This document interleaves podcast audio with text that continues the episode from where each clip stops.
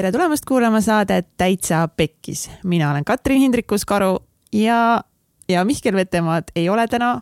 ta läks eh, metsa õppustele, nii et eh, täna mina üksinda siin ja sellest hoolimata, et Mihklit pole, me räägime jätkuvalt ägedate inimestega nende eludest ja asjadest, mis lähevad pekki. miks nad pekki lähevad, kuidas nad pekki lähevad ja siis kuidas ka sellest kõigest välja tulla ja täna on meil saates mitte ainult üks, vaid lausa kaks saatekülalist ja nendeks on toitumisnõustaja, toitumisterapeut Elis Nikolai ja kinnisvaraekspert Martin Vendla.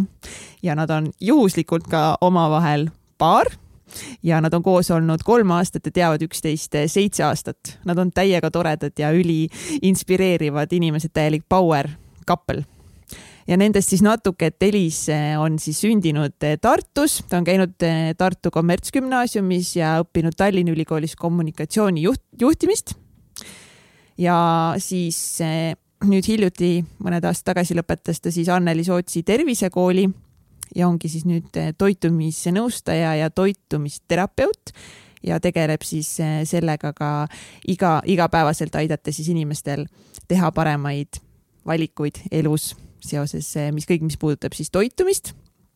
Elis eh, on kolm suve USA-s raamatuid müünud ja müünud ka neli aastat LHV pensionifondi aga ta alustas oma müügikarjääri siis eh, röstitud mandlite müügiga ja on olnud näiteks ka siukse seriaali nagu Pilvede all rekvisiitor.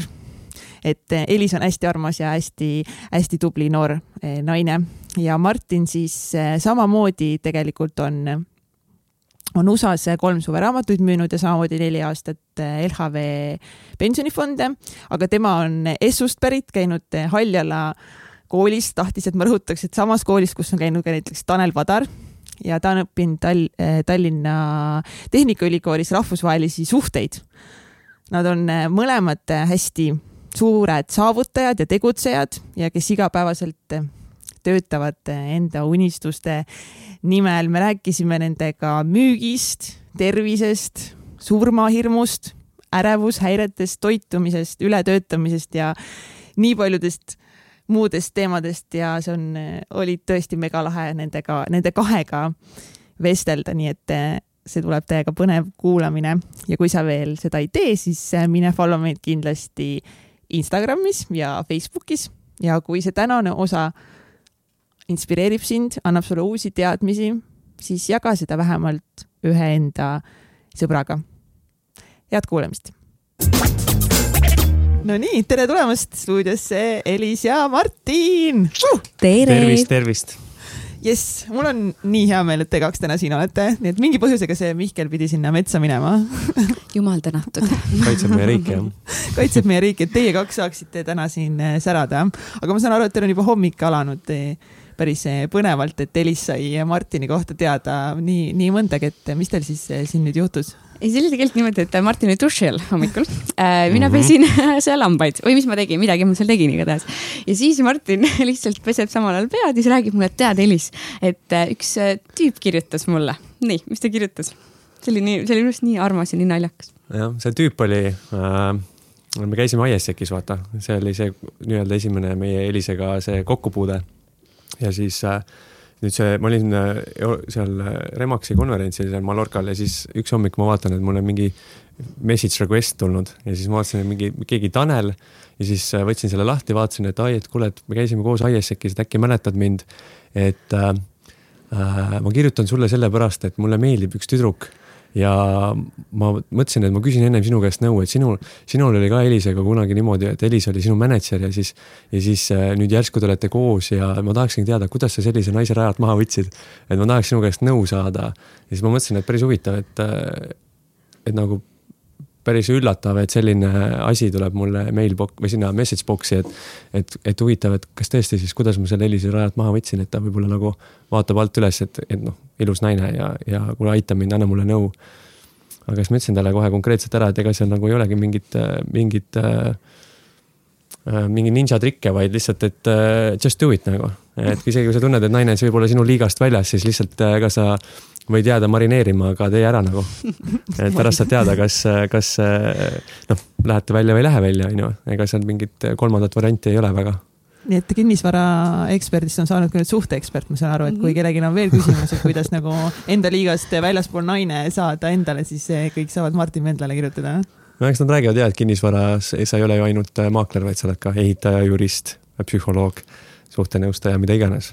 et mitmekülgne mees. ma saan aru, et teil on ka nüüd eh, uus pereliige. ja, et me oleme täna hommikul kusjuures väga väsinud ja üks põhjus on see, et me võtsime endale teise kassi.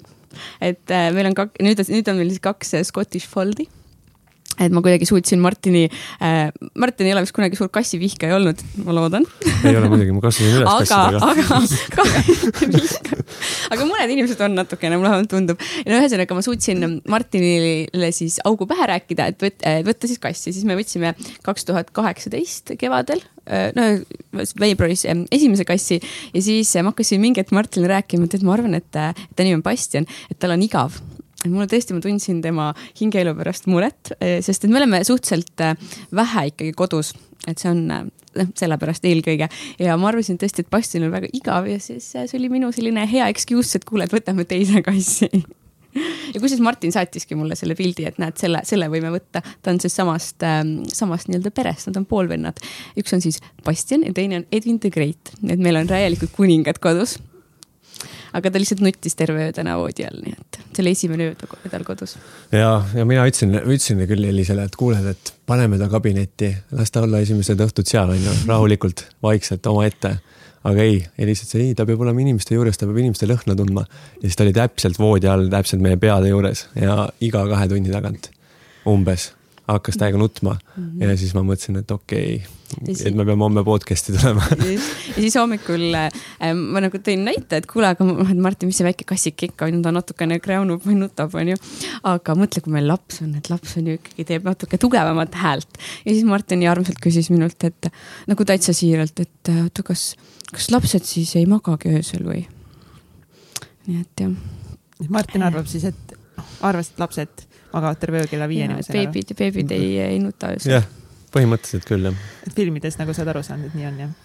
no ma ei tea, ma olen vastaka igalt poolt erinevaid arvamusi kuulnud, et kelle laps on hull äh, nii-öelda röökija öösel ja kellel on väga rahulik. nii et äh, mul, mul on kuidagi vist meeles, et mu õel oli äkki kuidagi rahulikum ja sellest mul on ka jäänud see mulje, et võib-olla kõik ei karju öösel, võib-olla magavad, lähed, lähevad õhtul magama, ärkavad hommikul üles kahtlane, väga kahtlane aga eks, eks jah, eks ole näha, kumb siis hullem on, kas kass või laps.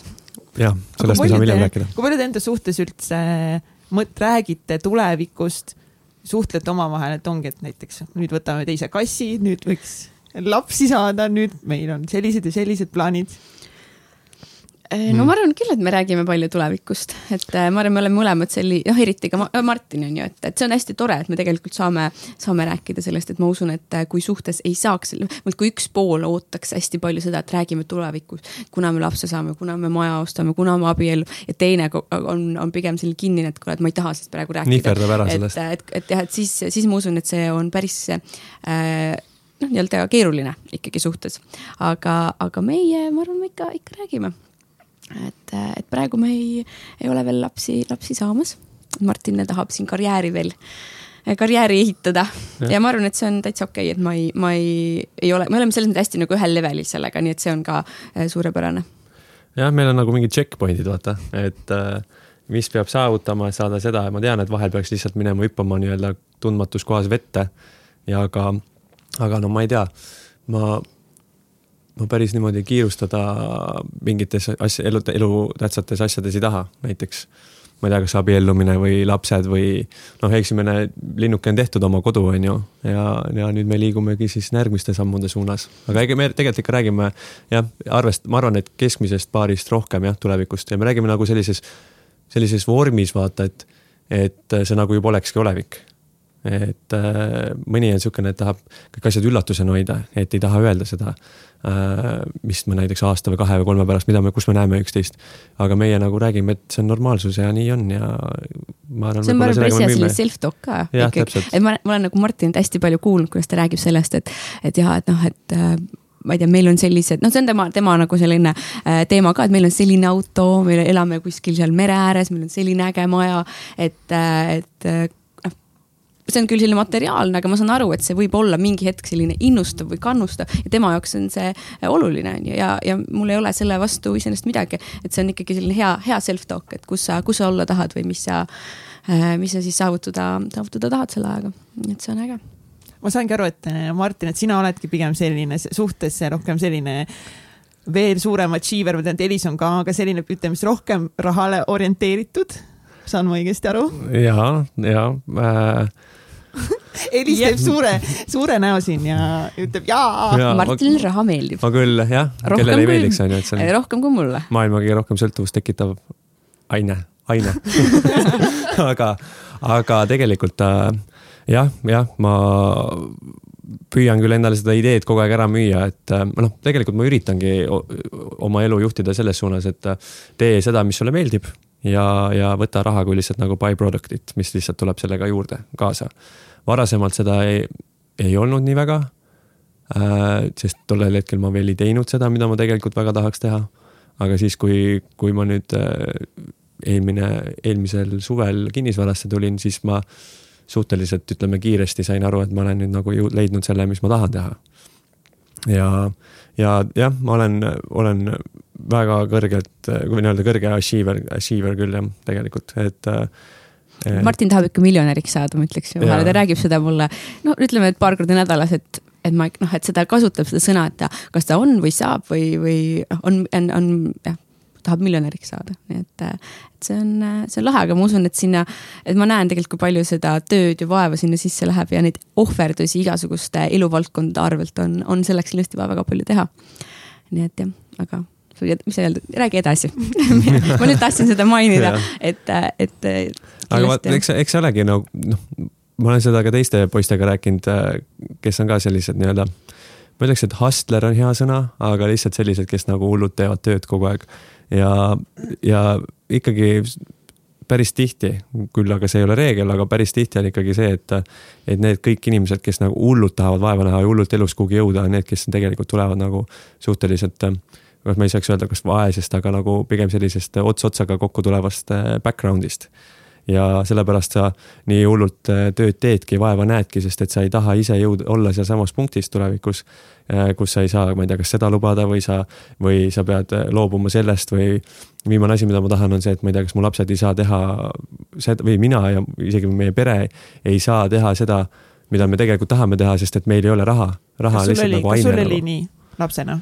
jah, ja et meil oli ikkagi suhteliselt selline, ma olen ikkagi päris nagu ma ei ole nagu väga rääkinud sellest, eriti podcast'is. et väga vähesed inimesed võib-olla teavad seda, ainult mu kõige lähemased sõbrad ja Elis ja pere muidugi. aga ikka ja ma tulen ikkagi kehvemast pere, nii-öelda kehvemast järgu, järgust äh, olevast perekonnast ja kus tuli ikka ots otsaga kokku saab nii-öelda saada ja, ja kus ei saanud lubada päris palju asju, näiteks ma ei tea ma ei tea, kas sporti, sporti tehes näiteks kuhugi trenni minna, on ju. kui on õhtuti, on kergejõustikutrenn või korvpallitrenn või jalgpallitrenn ja ma pidin sellest päris, päris tihti nendest kõikidest asjadest loobuma. ja, ja see oli päris frustreeriv tegelikult, sest et mul on nagu naturaalne talent võib-olla, või talent või anne, et olla nagu päris paljudes spordialades suhteliselt hea ja ma mäletan, kui ma noorena mängisin mingi, noh, eks ikka vaata poisikesena otsid mingit spordiala, mis meeldib. et ma mängisin noorena jalkat äh,. siis vaatasin, et okei okay,, et see võib-olla ei ole päris see. ja siis äh, hakkas pikkust päris peale, palju peale viskama. et siis ma olin niisugune õblukene, niisugune pikk vibalik juba noorena. ja siis äh, hakkasin kossu mängima juba põhikoolis ja, ja siis see meeldis mulle rohkem ja tegelikult see oli ikkagi, ma arvan, et need on asjad, mis sulle tulevad täiskasvanuna kaasa. et äh, varem ma selle peale ei mõelnud, aga nüüd, kui sa, mida vanemaks sa saad, seda rohkem äh, sa saad aru, et need on mingid asjad, mis on mõjutanud sind, ma ei tea, kas emotsionaalselt, psühholoogiliselt, kuidas iganes. ja äh, selles valguses ongi, ongi niimoodi, et, et äh, ma oleks tegelikult korvpalliga tahtnud tegeleda, aga nüüd tagantjärgi ma mõtlen, kusjuures olen seda mõelnud, et, et isegi thank god nagu, et ma ei hakanud nagu professionaalseks äh, korvpalluriks. sest et muidu ma ei oleks äh, täna kinnisvaras võib-olla, ma ei ole, oleks Elist, ei oleks äh, neid network'i, neid sõpru läbi raamatumüüjate või nagu LHV punt, kes meil oli et selles mõttes ma küll ei, ei kahetse tagantjärgi, aga, aga mõte on ikkagi alati peas, et what if äkki ma oleksin võinud saada väga heaks korvpalluriks, sest ma olen alati kõike teinud väga suure pühendumusega. aga kas sa juba lapsena, kas sa mõtlesite siis ka selle peale, kui sa ei saanud nagu neid asju või kogemusi, mida raha oleks äh, saanud äh, sulle siis võimaldada, et mina ei taha tulevikus endale, endale sellist elu ja ma olen nõus nagu rohkem pingutama ja vaeva nägema. täpselt, et see ongi nagu see on, ma arvan, et see on kõik, vot see täpselt ongi kõige suurem motivaator, et äh, motivaator ei ole see, et äh, ma tahan olla number üks selles valdkonnas, ma tahan olla kõige parem selles, ma tahan teha, teenida nii palju raha, on ju. vaid ongi see, et ma lihtsalt tahan elus läbi lüüa, ma ei taha seda oravrattas tunnet ja ma ei taha, et mu lapsed peaksid seda tundma või mu pere peaks seda tundma. viimane asi, mida ma tahaks lastele öelda reaalselt, on see, et kuule, et me ei saa seda teha, meil ei ole raha selle jaoks et äh, ma arvan, et see on asi, mis tuleb ka sinu lastele kaasa, see mindset nii-öelda. ja see on ka see põhjus, miks ma, miks ma võib-olla täna jah, teen mingeid ohverdusi, et mul on võib-olla vähem hobisi, on ju. Äh, võib-olla me Elisega ei, ei, noh, meil on väga tugev suhe ja väga palju oleme koos, aga võib-olla me ei käi nagu nädalas viiel õhtul kuskil erinevates kohtades, vaid lihtsalt on see, et me mõlemad lihtsalt näeme täiega vaeva ja teeme tööd. ja noh, kinnisvara ongi selline töö, et see ei ole kümnest viieni või üheksast viieni, et sa mõni õhtu oled kell kümneni õhtul telefoni otsas kinni mm. -hmm. kohe tuleb päris palju teemasid, aga, aga noorena sa ikkagist tegelikult eh, tegid küll sporti ja, ja olid nagu tubli, aga tegelikult eh, noh, olid sa ka nagu pätt, nagu ma ikkagist olen, olen nagu aru saanud uh,. ma ütleks mitte pätt uh,. minule alati keegi ütleb mulle pätt, siis sa olidki nagu hull, hull kraakapätt nagu mingi varas või mida iganes. aga mina olin ikka sihuke pigem siukene latatara tundides ja selline õpetajate, õpetajate noh õpetajad vihkasid mind või noh, ei saaks öelda vihkasid, aga ütleme nii, et ma ei meeldinud neile, ma ikka ma, ma ei tea, kui ma kuskilt kaevaks välja oma päevikud äkki või mitu korda mind on äh, klassist välja saadetud rääkimise pärast või, või oled saanud mingi rahuldava käitumise alati seal, vaata kunagi olid need äh,, need äh, tunnistuse lehed, vaata, ja seal oli käitumine ja hoolsus. ja siis mul oli alati rahuldavad mõlemad. aga jaa, ma olin selles suhtes küll jaa, et ikka kui mõni, mõni mu endistest õpetajatest peaks või direktor peaks, peaks seda ütlema, siis kindlasti jaa, et ma olin ikkagi selline vend, kes kogu aeg äh, välja visati klassist rääkimise pärast, et me olime ikka siuksed, ma ei olnud ka bully nagu, no võib-olla ka veidi mingis osas bully äh, mõnele klassivennale, aga, aga nagu ikka noored poisid on sellised kümne kuni ma ei tea, neljateistaastased. ma saan aru, et sa olid katseajaga gümnaasiumis. mis värk sellega on selleks, et saada gümnaasiumisse äh, peab, pidi olema keskmine vist kolm koma kuus äkki või, mul oli kolm koma viiskümmend kaks. ja siis äh, äh, juhtus selline asi, et äh, äh, mind võeti katseajaga sisse tänu sellele, et mu ema käis nendega rääkimas tõsiselt, sest et mu õde ei võetud.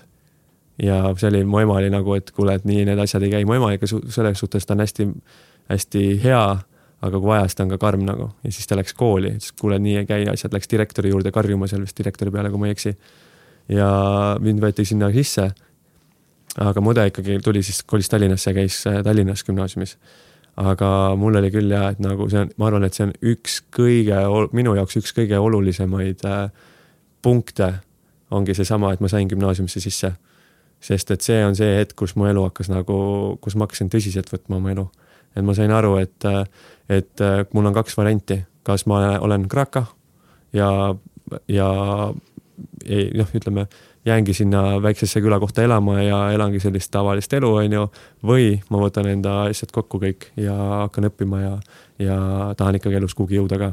nii et see oli nagu niisugune pöör-, üks pöördepunktidest ja et selle üle ma olen ülitänulik ja et nad mind gümnaasiumisse vastu võtsid. aga Elisel selle vastu on olnud teistsugune lapsepõlv, asjad ei ole, vist ei olnud nii hullud sinul?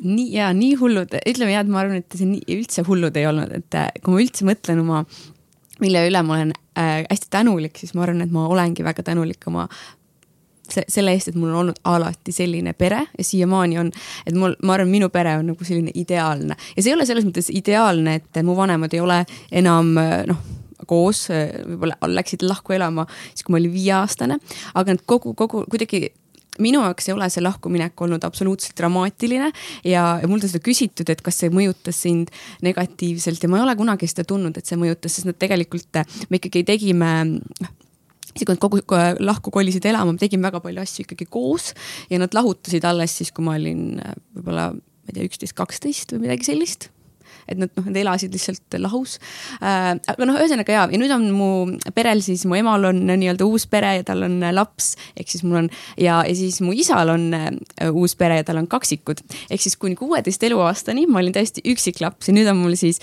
kaks õde ja üks vend, nad on küll pool, poolõed ja poolvennad, aga noh, see ei ole, ei ole teema, et ma arvan, jah, minu pere on olnud igatpidi ideaalne, et äh, mul ei ole mitte ühtegi ette, etteheidet äh, kunagi, kunagi neile olnud, nii et ma saan jah, selles mõttes täiesti aru, kust, kust Martin tuleb ja me oleme, me oleme nagu rääkinud ka sellest, et, et teatavad erinevused, mis, mis meil on millest paratamatult tekivad mõnikord ka äh, tülid, äh, on hästi palju sellest, et missugusest keskkonnast me oleme pärit. et ma usun küll, et, et ma ei ole kuidagi nagu rikkast perest, noh, selles mõttes, aga, aga minule, kuna ma võib-olla ma olin ka üksik laps ja, ja ma olin ka esimene lapselaps oma vanavanematel, et ma olin, mind oli nagu hästi hoitud ja ma tõesti sain äh, käia palju reisimas ja ma noh, sain selles mõttes kõike, mida ma mingil määral nagu tahtsin, et ma ei ütle, et ma ära hellitatud olin, aga, aga ja, et mulle, mulle ei öeldud palju ei. et, et sa ei saa seda, me ei saa seda lubada. et, ähm, et, et kuigi me ei olnud kuidagi nagu tohutult rikkad, aga, aga kuidagi alati leiti, et mu ema ka, ma elasin ju enamasti äh, kahekesi oma emaga äh, väikses Annelinna korteris Tartus, mis oli, ma ei tea, mitu ruutu see oli, ma arvan, et, et mingi, ma ei tea kakskümmend viis, midagi sellist, no ikka väike, okei okay,, võib-olla kolmkümmend, ma ei mäleta enam. aga, aga jaa, et äh, aga noh, mu isal, isa selles mõttes tema, tema nagu nii-öelda sissetulek oli palju suurem kui mu emal ja kuidagi me saime väga hästi ikkagi hakkama, nii et, et ma olen selles mõttes jah, teistsugusest äh, keskkonnast pärit kui, kui Martin aga kus, sina oled ka ikkagist selline high level achiever, et kust on tulnud sinult see saavutamis vajadus ja tahe teha hästi palju asju ja mm. -hmm. tead, ma olen ja see on nagu huvitav küsimus, et ähm, ma olen sellele vist mingi hetk mõelnud ja ega ma täpselt, ma arvan, et mul on väiksest peale olnud see, et ma olen tahtnud olla eriline mis iganes see siis on, et mingil määral nagu teistest eristuda, et, et mitte olla, ma ei taha kunagi olla nagu tavaline, see oli minu arust nagu tavaline, ma olin juba suht väike, kui ma mõtlesin, ma ei taha, et mu elu oleks liiga no selline hästi klassikaline või tavaline, et, et ma nüüd noh, lähen üli noh, lähen lõpetan ära keskkooli, siis lähen ülikooli, eh, siis leian juba mingi väga noh, sellise hea töö, töötan kuskil kontoris. Eh, sellist asja ma mitte kunagi ei ole tahtnud, ma olen tahtnud eh, suurema osa ajast oma elus ma tahtsin saada näitlejaks. Ja et ma ise arvasin, et ma ma ei tea, ma ütleme niimoodi, et ma läksin tegelikult lavak-, ma panin ennast nagu lavakasse kirja, onju, ma tahtsin minna lavakakatsetele ja see on ka midagi, mida ma vist ei ole ma ei tea, kes seda teab, mu parim sõbranna Eike. Äh, siis tuli minuga kaasa, me hääletasime Tartust Tallinnasse minna lavakakatsetele. ja, ja ma ei läinud. Ma seisin seal lavaka äh, ma noh, mis iganes see maja on, kus nad need katsed on seal vanalinnas ja ma ei läinud ja ma arvan, et see on üks asi, mida ma täiega kahetsen, et ma oleks vähemalt tahtnud teada, et ma ei, et noh, selles mõttes sinna siis sissesaaamisšanss on nii või naa ikkagi väike, aga ma oleks võinud ju minna vähemalt proovida. aga, aga miks ma tegelikult enda peas leidsin sellise excuse'i, et meil oli mõte, et me lähme siis Eike ja kahe meie sõbraga Austraaliasse ja see oli siis see suvi, on ju, kui olid katsed ja me tahtsime minna, see oli siis peale keskkooli, suvel olid katsed ja me pidi, tahtsime siis minna juba septembris Austraaliasse. ja nüüd oligi see, et kui ma oleks ja siis ma kuidagi mõtlesin oma peas, et, et ühesõnaga, see oli, ma arvan, et see oli vabandus, et äh, okei okay,, kui ma saan lavakasse sisse, siis ma ei saa Austraaliasse minna. ja siis ma kuidagi suutsin selle endale maha müüa, et okei okay,, et see on nagu põhjus, miks ma ei läinud. tegelikult ma, ma lihtsalt kartsin vist nii väga, ma kartsin seda, et ma ei, et ma ei, et ma fail in ja ma ei saa sinna ja, ja ma ei tea naljakas mõelda, et Elis midagi kardab, onju. ja ma nii, ma nii, ma jah, mingil määral mõtlen küll, aga samas see jällegi see, et kas ma oleks tahtnud saada Eesti näitlejaks. see on võib-olla nagu Martin räägib oma korvpalli eh, noh, et, et kor korvpalluri saagat, tulevase korvpalluri saagat. et ma tegelikult eh, võib-olla ei oleks ka päris seda tahtnud äh, saada, et, et ma kindlasti mitte kunagi jah, täpselt kui me räägime sellest tavalisusest, et ma ei ole kunagi mõelnud, et ma lähen kuhugi ettevõttesse, seal töötan, siis ma leian endale mehe, siis ma saan lapsed, siis me elame sellist toredat väike noh, mitte no offense kellegi vastu on ju, aga noh, sellist toredat äh, elu on ju kuskil ja, ja käime nädalas või nädalas korra, vabandust, aastas korra kuskil armsal puhkusereisil perega ja siis niiviisi elame sellist äh, stabiilset pereelu või üldse stabiilset elu, et ma ei ole mitte kunagi äh, seda, seda tahtnud, et, et ähm, et võib-olla sealt on tulnud see, et ma tahaks nagu teha midagi erilist, ma tahaks nagu silma paista ja mingil määral on mul alati olnud see, et seoses selle näitlemisega ka ma tahaks, ma tahtsin natuke nagu kuulsaks saada nii et minu võimalus siin podcast'is siis täna kuulsaks saada. aga, aga ei, selles mõttes mingi selline mõte mul on olnud, et see raha, eh, see, kui Martinit, ma arvan, drive ib rohkem see, et ta tahab rikkaks saada, siis mind drive ib rohkem see, et ma tahan äh, ähm,. ma tahan nagu saada selles mõttes, issand, see kõlab nii halvasti nagu kuulsaks saada. silma paistama si tegude jah, poolest. silma paistama tegude poolest ja, ja sellega mingit impact'i luua, on see siis läbi mingi kunsti või nüüd ma selles mõttes olen ju toitumisnõustaja, toitumisterapeut, mis on natuke erinev näitlemisest. aga, aga ja, et see on midagi olnud, mida ma tahan eh,, noh, tahan, olen nagu tahtnud teha. jaa. väga väga kihvt eh, on näha, et olete, olete mõlemad nagu hästi suure saavutamisvajadusega, aga samas nagu erinevad eh, punktid mm -hmm. nagu mõjutavad teid, et miks te tahate nagu midagi teha. kuidas see, see teie suhtes rolli mängib, et kas, kas sa tunned, et näiteks Martin teeb kohati liiga palju tööd? ei, absoluutselt mitte. ei, seda ma ei ole kunagi tundnud, et tavaliselt ta juba kell viis on kodus, ma tulen niimoodi kella kuuest koju, Martin on söögi teinud ja siis me hakkame koos aega veetma ja no see nüüd, see ei ole niimoodi, eks ole, et äh, Martin teeb palju tööd, et äh, kas seda on liiga palju või mitte, aga ta teeb seda palju äh,. no ütleme nii, et me käisime siin Katrini ja Katrini äh, juures äh, natuke rääkimas, millest me siis täna räägime ja siis see oli vist kella kaheksast kella pooleteistkümneni äkki olime seal ja siis Martin oli umbes nagu neli telefonikõnet selle aja jooksul. Et, et täpselt see ongi a story of my life, et kui me käime kuskil söömas äh, reisil Euroopas. reisil on ju, kui me käisime Sitsiilias, siis ma tahtsin minna kuhugile, noh ikka randa, et tule lähme, võtame päikest. ei, ta teeb mingi hotelli fuajees tööasju. ja, ja muidugi see on, äh, selles mõttes on see noh, praegu ma räägin seda võib-olla sellises naljavormis, aga, aga tegelikult jaa, muidugi see on äh, meie suhtele noh, see on nagu väike selline proovikivi, on ju, et äh, ma saan aru ja nii ongi ja nii jääbki ja, ja mitte, et ta jääb nii, aga ma, ma saan aru, kuhu ma siis äh, olen noh, nii-öelda ma ju valisin Martini on ju ja ma pean. sisse mässisid. kuhu ma ennast sisse mässisin just, et ma ikkagi valisin Martini ja. tema valis minu vaata. no et selles mõttes me valisime üksteist, on ju, aga, aga see ongi see, et ma, ma, ma saan aru, et see ongi Martin ja, ja nüüd ma, mida rohkem ma temaga koos olen, ma saan aru, miks ta seda teeb. et tal ongi selline taust, millest ta just praegu rääkis ja ta tahabki seda ja ta tegelikult, tema, kogu see asi tulebki hästi palju sellest, et ta tegelikult äh, ta tahabki pakkuda oma perele minule, ma loodan. kassidele. kassid ja meie lastele ta tahab pakkuda väga head elu, on ju, ja, ja ma saan aru ja ma noh, mingil määral see on ju tore, sest et see tuleb ma, kõik ju tegelikult armastusest minu vastu ja meie tulevase pere vastu. aga, aga jaa, mingil, sellega on, sellega on raske Äh, hakkama saada kohati ja, ja ma olengi endale nagu rääkinud, noh, ma olen natuke teinud endale sellist nagu e-, endale rääkinud, et okei okay,, et ma, et kui ma ikkagi kui ma tahan, et äh, Martinit toetada, siis ma pean olema tema jaoks ka selline toetav naine, et mitte kogu aeg näägutama, et kuule, miks sa nii palju tööd teed või kus sa nüüd olid ja kus sa nüüd noh, et miks sa juba kodus ei ole, et, et mina, et ja mingil määral me selles mõttes sobime väga hästi kokku, et ma olen ise ka äh,.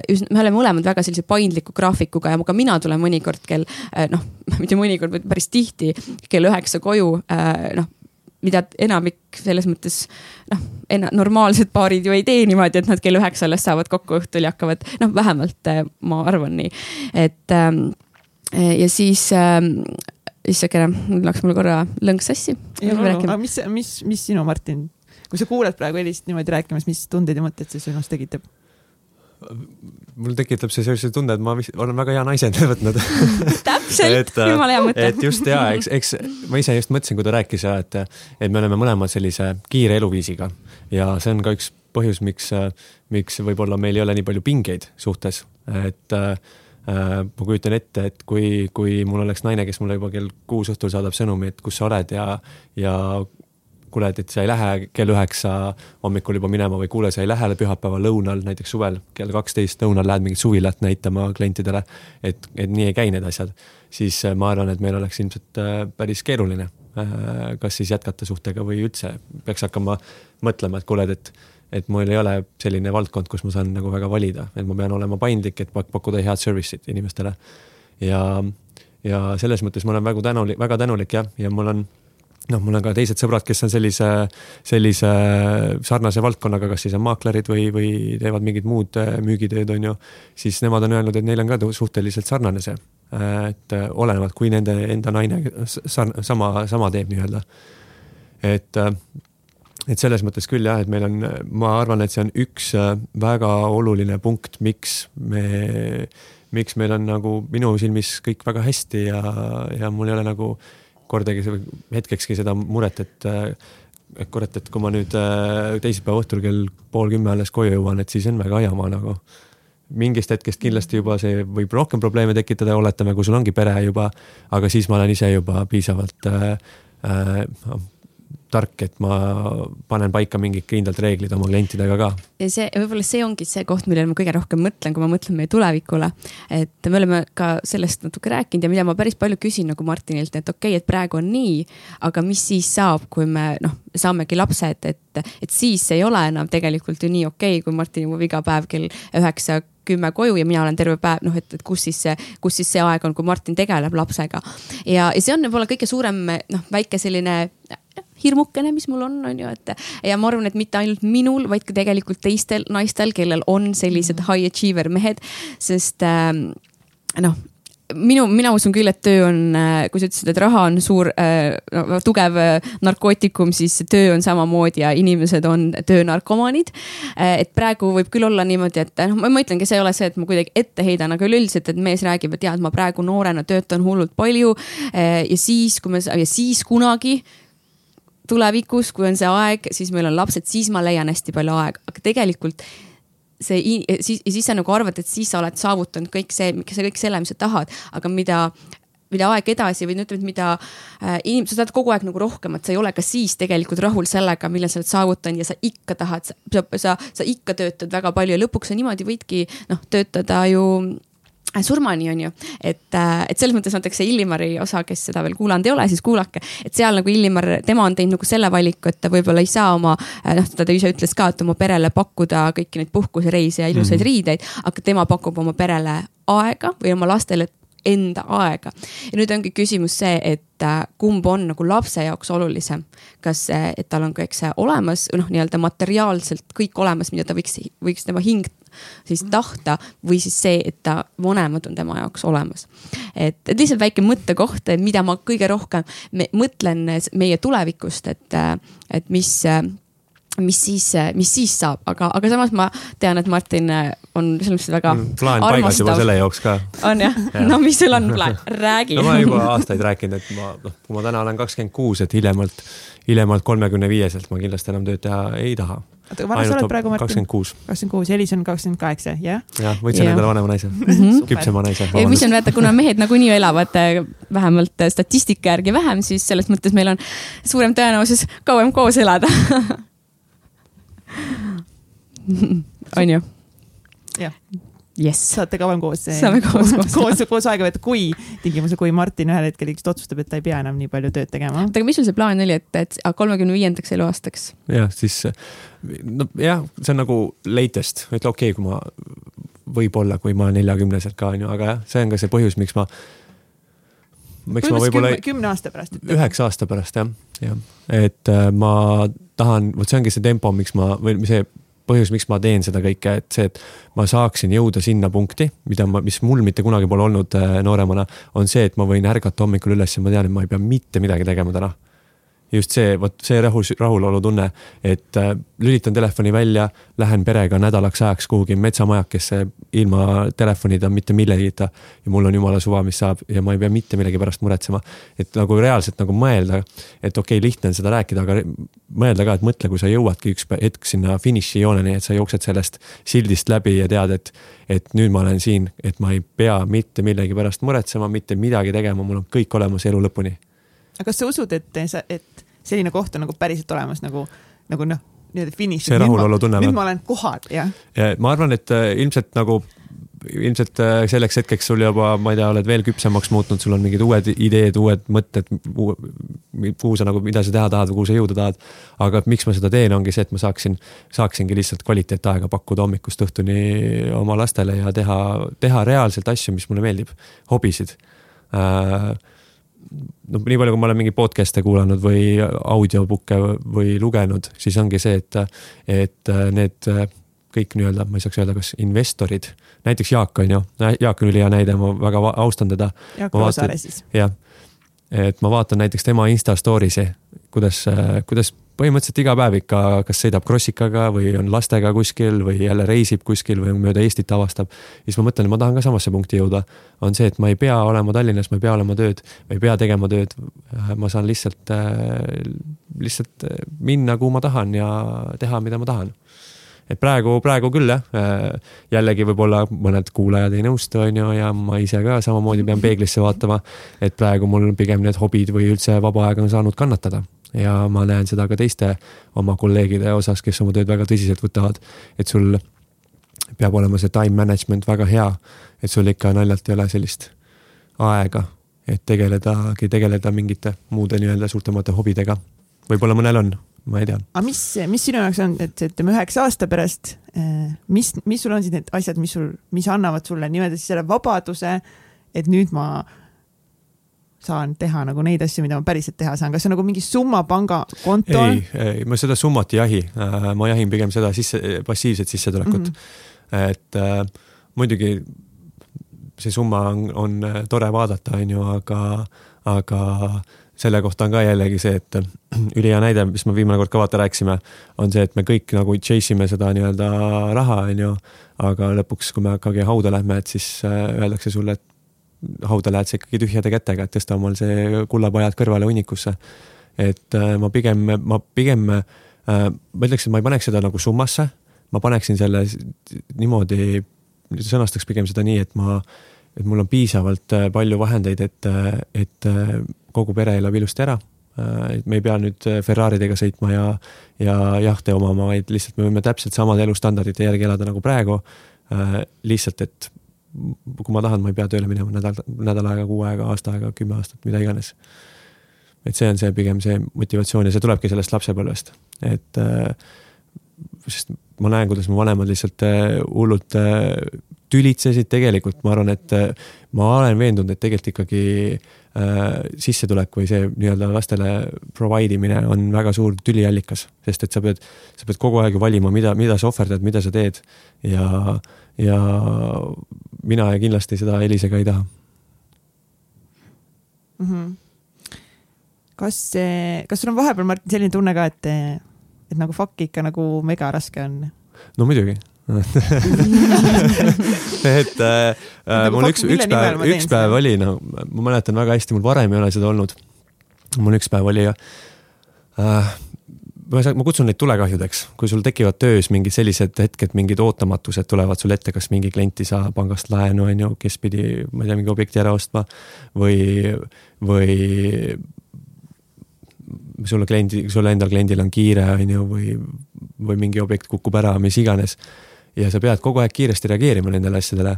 ja siis ma reaalselt tundsin, et kui ma nüüd autoga tee äärde ei jää paariks minutiks seisma, siis äh, ma ei tea, et äh, sul see pulss käib üles-alla kogu aeg, sihuke roller coaster.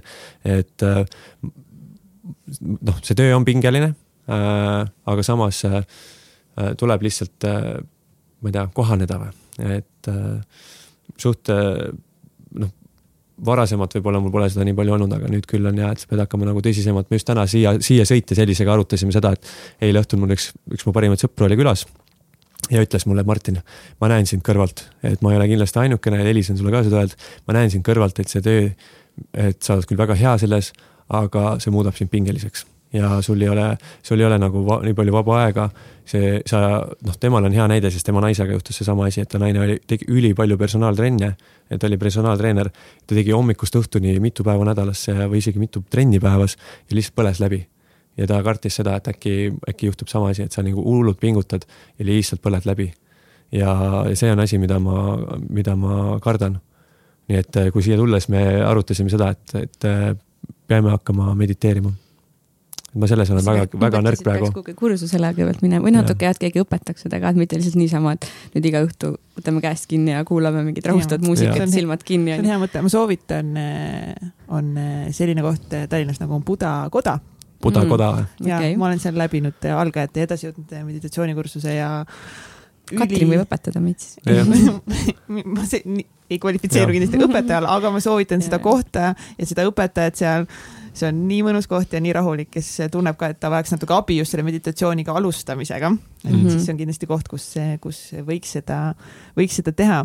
ma tean, et Elis, sinul on väga südamelähedane see teema, et inimesed, noh, sellised taolised achiever'id nagu Martin, et inimesed mm -hmm. töötavadki ennast raha pärast nagu surnuks mm. -hmm ja võib-olla see ongi see, miks ma, miks ma olen selles osas võib-olla kriitiline ka Martiniga on ju, et ma, ma tean, mis tunne see on, ma tean, kuidas see võib lõppeda. kindlasti äh, see on nagu oleneb inimesest ka, et, et osad inimesed on vaieldamatult äh, tugevamad ja, ja mõnikord me võime nagu, ma võin mängida, et ma olen hästi tugev ja mõnele inimesele jääb mulje, et ma olen hästi selline tugev ja läheks siit igast seintest läbi oma eesmärkide nimel on ju. aga tegelikult ma ei ole, ma ei ole oma olemuselt selline, et ma olen pigem selline natuke ikka selline kunsti, noh, ma võiks öelda ise selline kunsti hästi loomingulisem inimene, selline empaatilisem inimene, aga Martin on natuke vastupidi ja tema jaoks kindlasti see on äh,. jah, ütleme tema jaoks on see naturaalsem see, mida ta teeb, äh, aga siiski ma usun, et inimvõimetel on alati äh, piirid ja täpselt see, et ma näen üha rohkem, kuidas inimesed lihtsalt jah, nagu sa ütlesid, et töötavad ennast noh, surnuks lõpuks. et, et kas kunagi oli hea, et kui ma, te olete kindlasti vaadanud seda filmi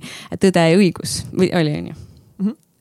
Ja oli Tõde ja õigus just. ja seal oli tegelikult see, kus inimesed äh, noh, enam nad töötasid ennast ka võib-olla, aga füüsi-, kogu see töö, mida nad tegid, oli nii füüsiline inimestel seal olid nii primitiivsed probleemid. oligi see, et kust saaks süüa äh,, kuidas saaks oma perele mingisuguse pea, noh, nii-öelda siis äh, peavarju, kust saaks mõned loomad, mis äh, talvel ära tappa, on ju. noh, tänapäeva inimestel ei ole absoluutselt selliseid probleeme, me teame täpselt, kust süüa saab, on siis Selverist, on ju, või, või kuskilt mujalt. et. Selver sai praegu räige reklaami okay. või, või näiteks Rimist aga nüüd me, me, me, me, meil ei ole enam selliseid probleeme ja meie probleemid on hoopis sellised äh, keerulisemad. meil on nii palju valikuid, me tegelikult me võime teha mida iganes ja. me siin maailmas tahame. et äh, noh, tänapäeval mina, tegelikult et ma võin, ma võin kõike teha. aga nüüd ongi see, et ma pean valima, ma pean kogu aeg mõtlema, mida ma tegelikult tahan, kas ma tahan seda või toda, et ähm,. kas see on õige see, mida ma ja, nüüd tahan? ja see on nii väsitav, vaata, kui sul on nii palju valikut. et, et need probleemid on hoopis teistsugused, on ju kõik see sotsiaalmeedia, seda on nii palju. noh, sellel paarsada, noh, sada viiskümmend aastat tagasi oli tõesti kolm probleemi ja, ja inimesed lahendasid neid ja, ja nüüd ja siis nad tegid kõike seda füüsiliselt, aga nüüd enamus aja, üheksakümmend protsenti vähemalt, kui ma vaatan äh, oma sõprusringkonda, siis me töötame ajuga ainult ajuga. Ja kui me nüüd ei tee veel seda, ei anna oma kehale ka kõike seda, mida ta tegelikult vajab, siis äh, pole ime, et me läbi põleme. Äh, et, et mul endal ju ka, kui ma olin äh, noh, kahe, kakskümmend kaks, täna olen kakskümmend kaheksa jah, et siis mul diagnoositi noh, ärevushäired, et ma usun, et, et enamik inimesed nüüd juba teavad, mis see, mis see on ma arvan, et võib-olla kõik ei tea. looda, loodame, et kõik ei tea, mis asjad on ärevushäired. leiavad äkki Elise artikli yeah. Päevalehest, mis siin oli paar kuud tagasi. aga, aga ei, ma selles mõttes, äh, mis on nagu ärevushäired, ähm, on, noh, me kõik oleme tundnud oma elus äh, ärevust, et me teame, et see võib olla näiteks enne kui mingisugust tähtsat äh, kohtumist, võib-olla avalikku esinemist, võib-olla äh, mis noh, mingisugust tööintervjuud või arstile minekut, võib-olla me oleme tundnud isegi sellist tugevamat äh, ärevust või hirmu, kui, kui meie elu on ohus, võib-olla keegi on meid kunagi kuskil pimedas taga ajanud. me teame, mis tunne see on, kuidas süda hakkab kiiremini lööma, kuidas meie hingamine muutub pinnapealsemaks, kuidas meil võib-olla peopesad lähevad higiseks, meil kõhus hakkab keerama äh, Äh, noh kuidagi võib-olla tekib mingi selline pea hakkab ringi käima, me teame, mis tunne see on. ja mingil määral see on, see on tegelikult, see on meie keha loomulik äh, siis reaktsioon äh, mingisugusele hirmuolukorrale. ja see ongi mõeldud selleks, et, et noh, evolutsiooniliselt, et kui sind ajabki mingi näljane lõvi taga, siis su keha peabki hakkama tootma adrenaliini, et sa tegelikult suudaksid selle lõvi eest ära joosta. aga nüüd kujutage ette, kuidas te tegelikult tunnete täpselt kõike seda ilma selleta, et mingi näljane paks lõvi sind taga ajab, vaid kui sa oled, äh, vaatad telekat, kui sa sa lähed magama, kui sa ärkad, kui sa lihtsalt ähm, istud oma perega mingil õhtusöögilaual, sa kogu aeg tunned oma sees adrenaliini ja ärevust ja ilma mingisuguse põhjuseta, et keegi ei aja sind taga või sul ei tule mingisugust suurt äh, avalikku esinemist, et, et sa lihtsalt. räägi, mida sa täpselt nagu tundsid siis, kuidas see nagu ärevushoog nagu kas kõrvaltvaataja pigem nagu saab sellest aru või ei saa või mis su sees täpselt toimub, kas no, su süda hakkab puperdama? ja noh, üks ongi siis selline paanikahoog ja teine on siis ärevushäired. paanikahoog on selline, mis vallandub kiirelt, noh näiteks äh, mul on paanikahoog äh, vallandunud selliselt, ma magan lihtsalt keset ööd, ma ärkan nagu ühe sekundiga niimoodi üles, et ma hüppan voodist selles mõttes püsti ja ma hakkan nii-öelda, kõnnin niimoodi edasi-tagasi toas või ma noh, ma olen äh, keset ööd lihtsalt ärkad niimoodi üles, et sa, sa kujutad, noh, sa tunnetad oma pulssi ja see tundub nagu see oleks kakssada ja sa noh, lihtsalt sa tunned, kuidas sul noh, see on äh, ärevushäirel ja, või need paanikahool õigemini ja südameinfarktil on väga palju sarnaseid sümptomeid ja see ongi, mis teeb selle hästi hirmsaks. ja ma näiteks olen keset ööd kõndinud lihtsalt äh, ärgates paanikahooga ülesse lihtsalt oma naabri, naabri juurde, sest mul oli kuskilt nagu abi vaja.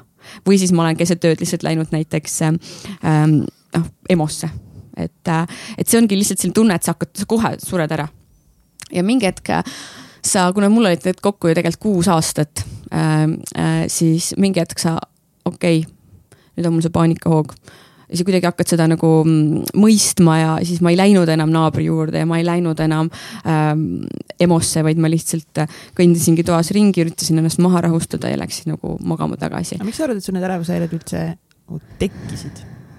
Jaa, siin on kaks asja, et miks nad tekkisid ja miks ja. nad ära läksid. väga kaks kuldset küsimust millele mina, ma, ma arvan, et ma võin spekuleerida, miks see kõik, no ma olin äh, ka äh, selles mõttes nagu ka siit välja tuli, et ma olin ka suure saavu-, olin veel eriti suure saavutusvajadusega ja ma keskkoolis ka, ma tegin nagu kõike, et ma ei olnud see paha tüdruk või paha poiss, on ju, nagu Martin, et ma tahtsin hästi õppida. ma tahtsin, et mu lõpueksamid oleks äh, headele tulemustele, ma tegin mingisuguseid üritusi kogu aeg noh, mingisuguseid, äh, käisin tantsutrennis, siis ma läksin ülikooli, siis ma olin ISEC-is ühes tudengiorganisatsioonis, ma müüsin äh, raamatuid suvel ja värbasin siis tudengeid siin. siis ma äh, olin, käisin lihtsalt ülikoolis, siis veel nädalavahetustelt käisin äh, mandleid müümas äh,. noh, siis äh, mulle tuleb ka tõdeda, meil on alati meeldinud siis ka nii-öelda lõbutseda ja pidutseda ja et ma ei saa seda öelda, et ei ole nii. mis tähendab seda, et ma noh, mul ongi neid hetki, kus ma lihtsalt äh, tulin kuskilt peolt äh,, sain paar tundi magada äh, kui sedagi ja läksin kuhugile Narva röstitud mandleid müüma ilmselgelt sellisele tempole ei pea keha vastu. pluss ma ei hoolitsenud eriti selles mõttes enda eest, et ma ei jõudnud väga trenni teha. mediteerimisest äh, polnud juttugi. mu toitumine oli pigem äh, kahtlane on ju, et pigem ütleme nii, et mitte, mitte eriti tervislik. ja, kõik see, et ma arvan, et lõpuks mu keha lihtsalt äh, andis alla ja, ja ma arvan, et enamikel inimestel, kellel on ärevushäired, see, see noh, mingisugune asi on seda vallandanud nendes ja siis sul jääb see kuidagi sisse. Et sul kuidagi keha mäletab seda ja ma ise usun, et see nii, nii on ja siis sa hakkad oma peas seda nagu veel forsseerima, hullemaks mõtlema ja siis ongi sellest hästi raske nagu lahti saada. et mina täna tean, et ma olen ärevushäiretest lahti saanud, see oli kaks tuhat kaheksateist aprillikuus, ma mäletan seda. Ja ma nagu mõnikord peale seda ma olen mõelnud, et issand, et kas nad tulevad jälle tagasi, et ma nagu mitte ei oota neid, aga ma kardan, et äkki nad tulevad ja mida aeg edasi, nad ei olegi nagu tulnud tagasi. ja see on nii lahe nagu tunne, et neil ei olegi lihtsalt enam. kui tihti need varasemad siis esinesid? ikka iga kuu? ja ei no see oli pigem nagu periooditi, et kui nad algasid, siis nad jäidki võib-olla viieks-kuueks kuuks ja siis nad mingi hetk läksid ära ja mingi hetk nad ei läinudki enam ära. et, et see oli kuidagi selles mõttes ja, et ta, ta ei olnud nagu päris aasta ringi, aga, aga pigem ja suvel võib-olla oli alati vähem. sest kui ma raamatuid müüsin Ameerikas suvel, siis mul ei olnud kunagi äh,. võib-olla seepärast, et mul oli nii fookus nendel raamatu müümisel, et äh,, et mul lihtsalt ei jäänud mõtlemiseks aega ja alati, kui ma olin nagu hästi tegus, siis mul pigem neid ei olnud, aga kui ma lasin nii-öelda, tekkis mingi pingelangus kehas et ma kuidagi läksin mingisse puhkus, oligi nagu probleem, naljakas oligi see, et kui ma läksin kuhugi puhkusereisile, ma võtsin aega nüüd maha, siis nad hakkasid ei olnud nagu see, et ma, et nüüd, kui ma puhkan, et äkki, et äkki nad nüüd siis lähevad ära või äkki mul ei ole seda ärevusse, ärevustunnet, vastupidi. et alati mingitel reisidel, kus ma olen olnud, on need kõige hullemad ja see tekitabki lihtsalt sellist nagu peaga vastu seina jooksmist, et issand, mida ma siis oma elus üldse tegema pean, et ma ju puhkan, ma teen joogat, ma mediteerin, ma toitun tervislikult, see oligi see hetk, kus ma hakkasin noh, palju rohkem oma tervisele äh, tähelepanu pöörama, ma käisin mingi hingamisteraapias, ma käisin psühhiaatrite, psühholoogide juures, ma nagu tegin kõike, aga sellest ei olnud nagu mitte mingit kasu. ja kõige hullem ongi nende ärevushäirete või üldse vaimsete probleemide nagu depressioon samamoodi, mis on sama ikkagi väga raske haigus ja neid tasub võtta äh, väga tõsiselt, et ma ise tundsin ka väga palju seda, et kui ma rääkisin kellelegi, et mul on ärevushäired. noh, ma ei rääkinud seda tegelikult väga paljudele, siis ma tegelikult tundsin, et inimesed noh et a la, et oh okei okay,, et noh, mõtle siis positiivselt, et mm, -hmm. et noh, mis seal ikka on ju, et, et tõesti, mine tee joogat või midagi, et noh. see ei ole, aga samas, kui kellelgi on nagu mingi noh, a la vähk on ju, et sii-, vot see on, see on probleem, et siis on suur. Eh, noh, ma saan aru, see ongi, aga, aga tegelikult eh, ärevushäired, depressioon on, on sama raske haigus nagu, nagu te, mõni teine füüsiline haigus. ja kõige hullem ongi see, et, et seda ei saa keegi sinust nagu välja lõigata või välja opereerida või, või arst ei saa anda sult, kuule, et tee seda, seda, seda, siis sul kindlasti läheb see ära et seal ei ole mingit imetabletti, mis võtab inimeselt ärevushäired ära või depressiooni. et see kõik on nagu palju keerulisem ja seepärast tasub, ma ise nagu ütlen ka, et kui sul on kellelgi peres või, või tutta, ring, tutvusringkonnas selline inimene, et siis viimane asi, mis talle öelda ongi see, et mingi mõtle positiivselt või mine joogasse, et, et see noh, see ei aita, et see on. kas kõrval olev inimene või keegi üldse saab aidata või Martin, kuidas sul oli kõrvalt näha seda? Ma arvan, et äh, suhteliselt abitu tunne on, et äh, jah, Elis ütleski, et see nagu mingi periooditi käis, et eks ma sain, sain aru ka, et mingitel hetkedel oli, oli nagu pikem paus ja siis järsku lihtsalt tuleb ja Elis juba lõpuks sai aru ja ütles ka mulle, et kuule, et nüüd tuleb ja. see kõlab nii naljakalt, aga täpselt see nii ongi. aga ja, et see on ikka, sul on nii vastik tunne kõrval, sa ei tea, mida teha, sa, ma guugeldasin, kui Elis magas, ma lugesin selle kohta, vaatasin, kas on midagi, ma küsisin, et mida me nagu teha saame, et lähme haiglasse, lähme arsti juurde, lähme, ma ei tea, kuhugi Euroopasse, USA-sse, kuhu iganes, et äh, leiame kellegi, kes oskab aidata. ja Elis ütles, et kuule, ma olen nii, ma olen kõik mhm. läbi guugeldanud, kõik asjad läbi teinud, et ei, ei ole nagu, ma ei, ei ole mingit sellist haiglat või sellist arsti või kedagi, kes oskaks aidata, ma olen käinud psühhiaatrite juures, kõige juures. ja siis sul ongi nagu nii vastik tunne, see nagu reaalselt, sul on, sul on, ma ei tea, kui inimesel on räige migreenihoog siis sa noh, siis sa oled ka kõrval, et sa tead, et tal on nii valus ja vastik. et siis sa üritad talle, paned selle külma lapi, ma ei tea, otsa ette ja paned ta magama, onju. aga siis, kui inimesel on ärevushäired, see on hoopis teine asi. ja noh, vahel ikka tuli öösel ka see esile et Elis ärkab mm -hmm. üles ja, ja noh, ja ta tuleb, tuleb mulle kaisu, on ju, ja siis hoian teda ja, aga sa ei saa mitte midagi sinna teha. ja ma ei tea, mingeid tilkasid paned sinna, ma ei tea, kuhu mingeid tilkasid mingi padjapüüri peale või midagi, mis rahustab. või mis iganes, et mm -hmm. aga, aga see ei ole meeldiv tunne jah, tõesti. ma ei sooviks võib-olla mitte ühelegi, ma ei tea, paarikesele seda. no üldse on kõik sellised. tänk ka, et see ära läks. just selles mõttes, et see, see jah kõige tugevama inimese paneb ka nõrgaks või teeb nõrgaks kodus. aga kas keegi teine saab üldse aidata?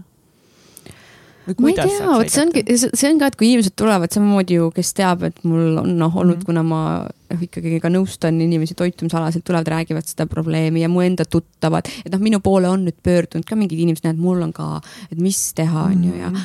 ja see on nii keeruline, et mis siis teha, et mis see aitab, sest et kui mina ei tea täpselt, miks need ärevushäired ära läksid. et seal ei olnud seda, et, et kindlalt nüüd läbisin selle operatsiooni ja siis ja läksid need ära. võtsime kassi sellepärast ja et ma ise nagu ise arvan, mis mind aitas, ma võin seda nüüd siis mm. jagada, et, et võib-olla keegi saab sealt mingit asja. see, ma mäletan täpselt, see oli seesama kaks tuhat kaheksateist aprill või kevad on ju, et või, või mai, midagi sellist ja siis mul enam sellest hetkest ei olnud. Et ma hakkasin siis näiteks tegelema, see oligi see hetk, kui ma hakkasin tegelema siis toitumisnõustamisega või ma nagu reaalselt äh, võtsingi endale selle väikse kabineti ja hakkasin seda tegema, et siis ma olin kooli ära lõpetanud.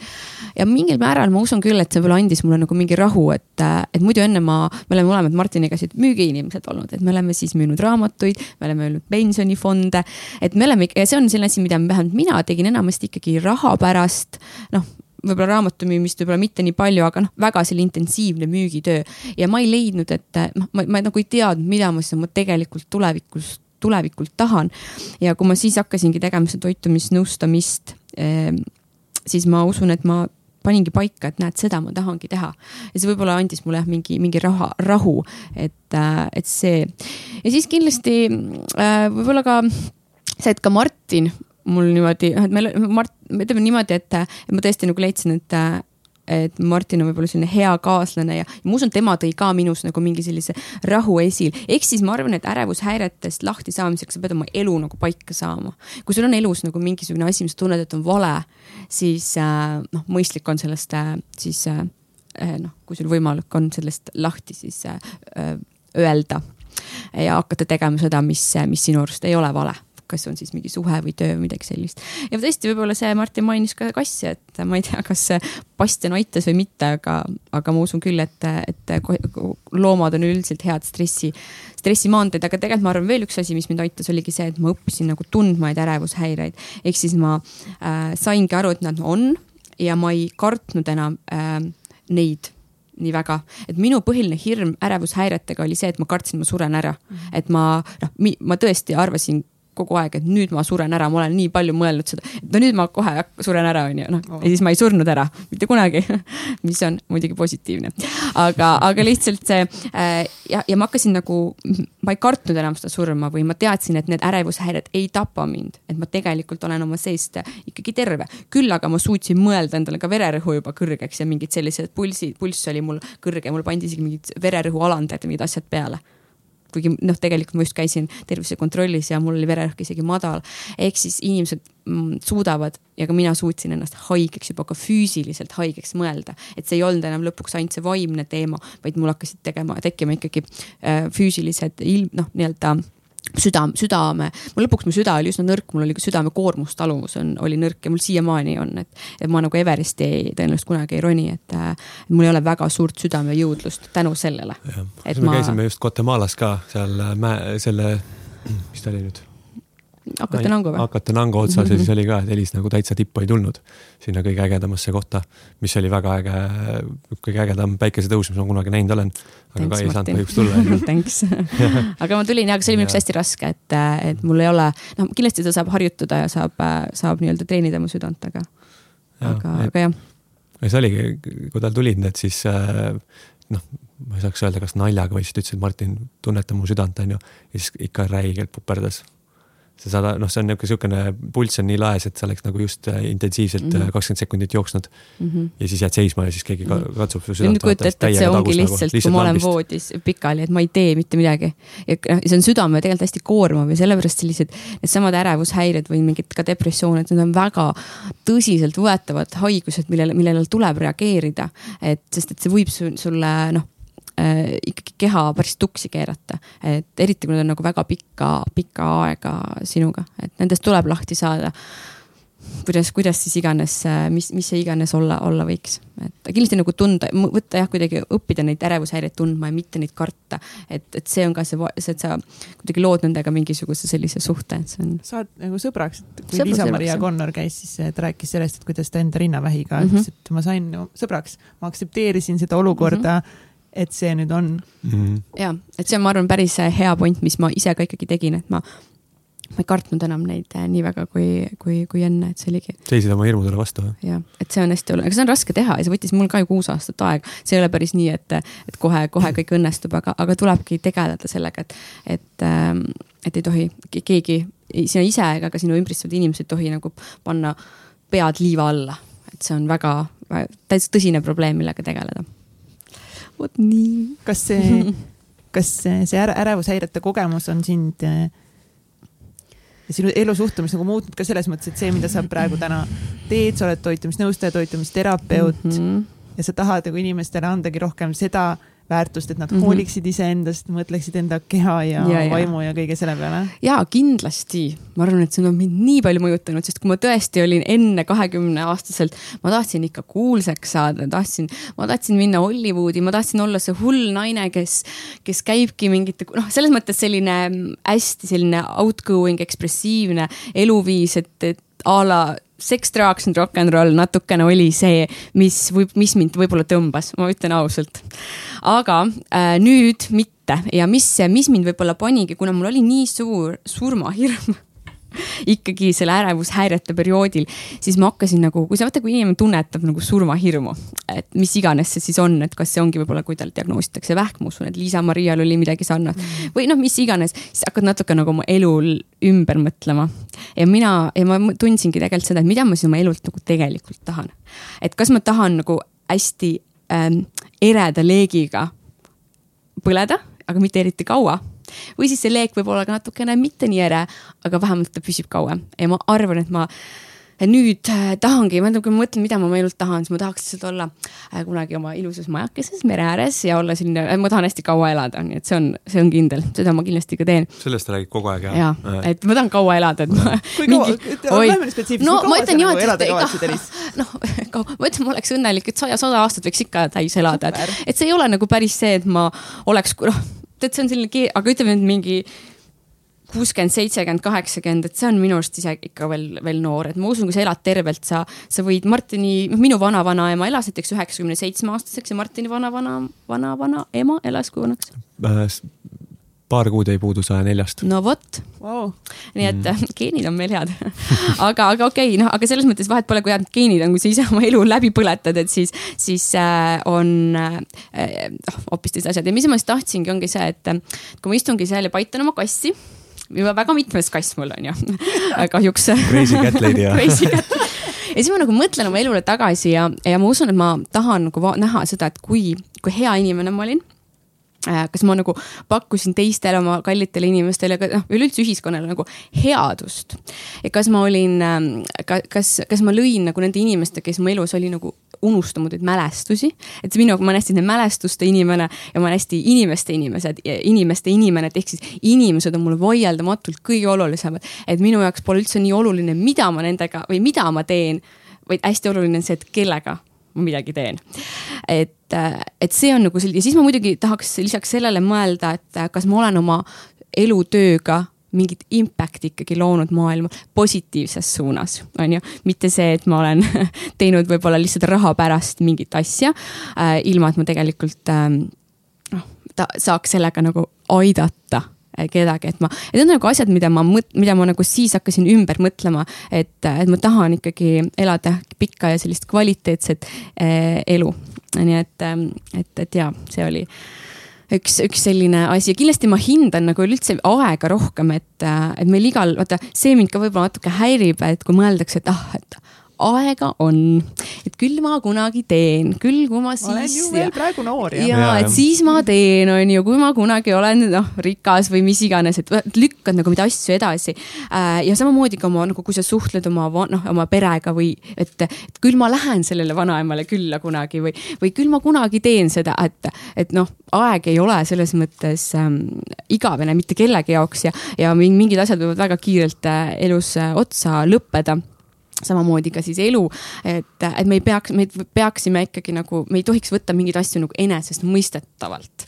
et, ähm, et, et jah, asjad ei ole nagu igavesed, et sa pead nagu kõikide asjade eest ja, ja kõikide asjade jaoks ikkagi vaeva nägema ja, ja, ja tööd, ähm, tööd tegema, et ma, ma usun küll, et ma väga palju nüüd veedan rohkem nagu aega oma, oma enda kallite inimestega ja, ja, ja see on minu jaoks selline kõige kõige olulisem äh, väärtus, mida ma siis äh, hindan mm. -hmm. pahatihti ongi nii, et sa pead ise elus mingi krahhi või mm -hmm. läbi kogema, et saada aru täiega. nagu sellest. panna oma prioriteedid nagu... paika, jah. see on nii, see on täiega jama, sest et ka tervisele hakatakse mõtlema alles siis, kui tervis on pekkis, on ju aga vahepeal võib siis olla liiga hilja, et ei pruugi minul nagu minu jaoks oli kõik positiivne teekond ja näiteks li, tore, et Liisa-Maria jaoks oli see tore, positiivne teekond. Aga, aga kui juba mõnikord on hilja, siis võib olla ka hilja, on ju, et, äh, et selles mõttes äh, jah et tuleb nagu asju ennet- en,, tuleb nagu käituda elus nagu ennetavalt, et mitte, mitte hakata probleemiga tegelema siis, kui kustutama maja, kui maja on juba maha põlenud. kui palju sa Martini seda Eh, toitumist eh, proovid eh, kontrollida?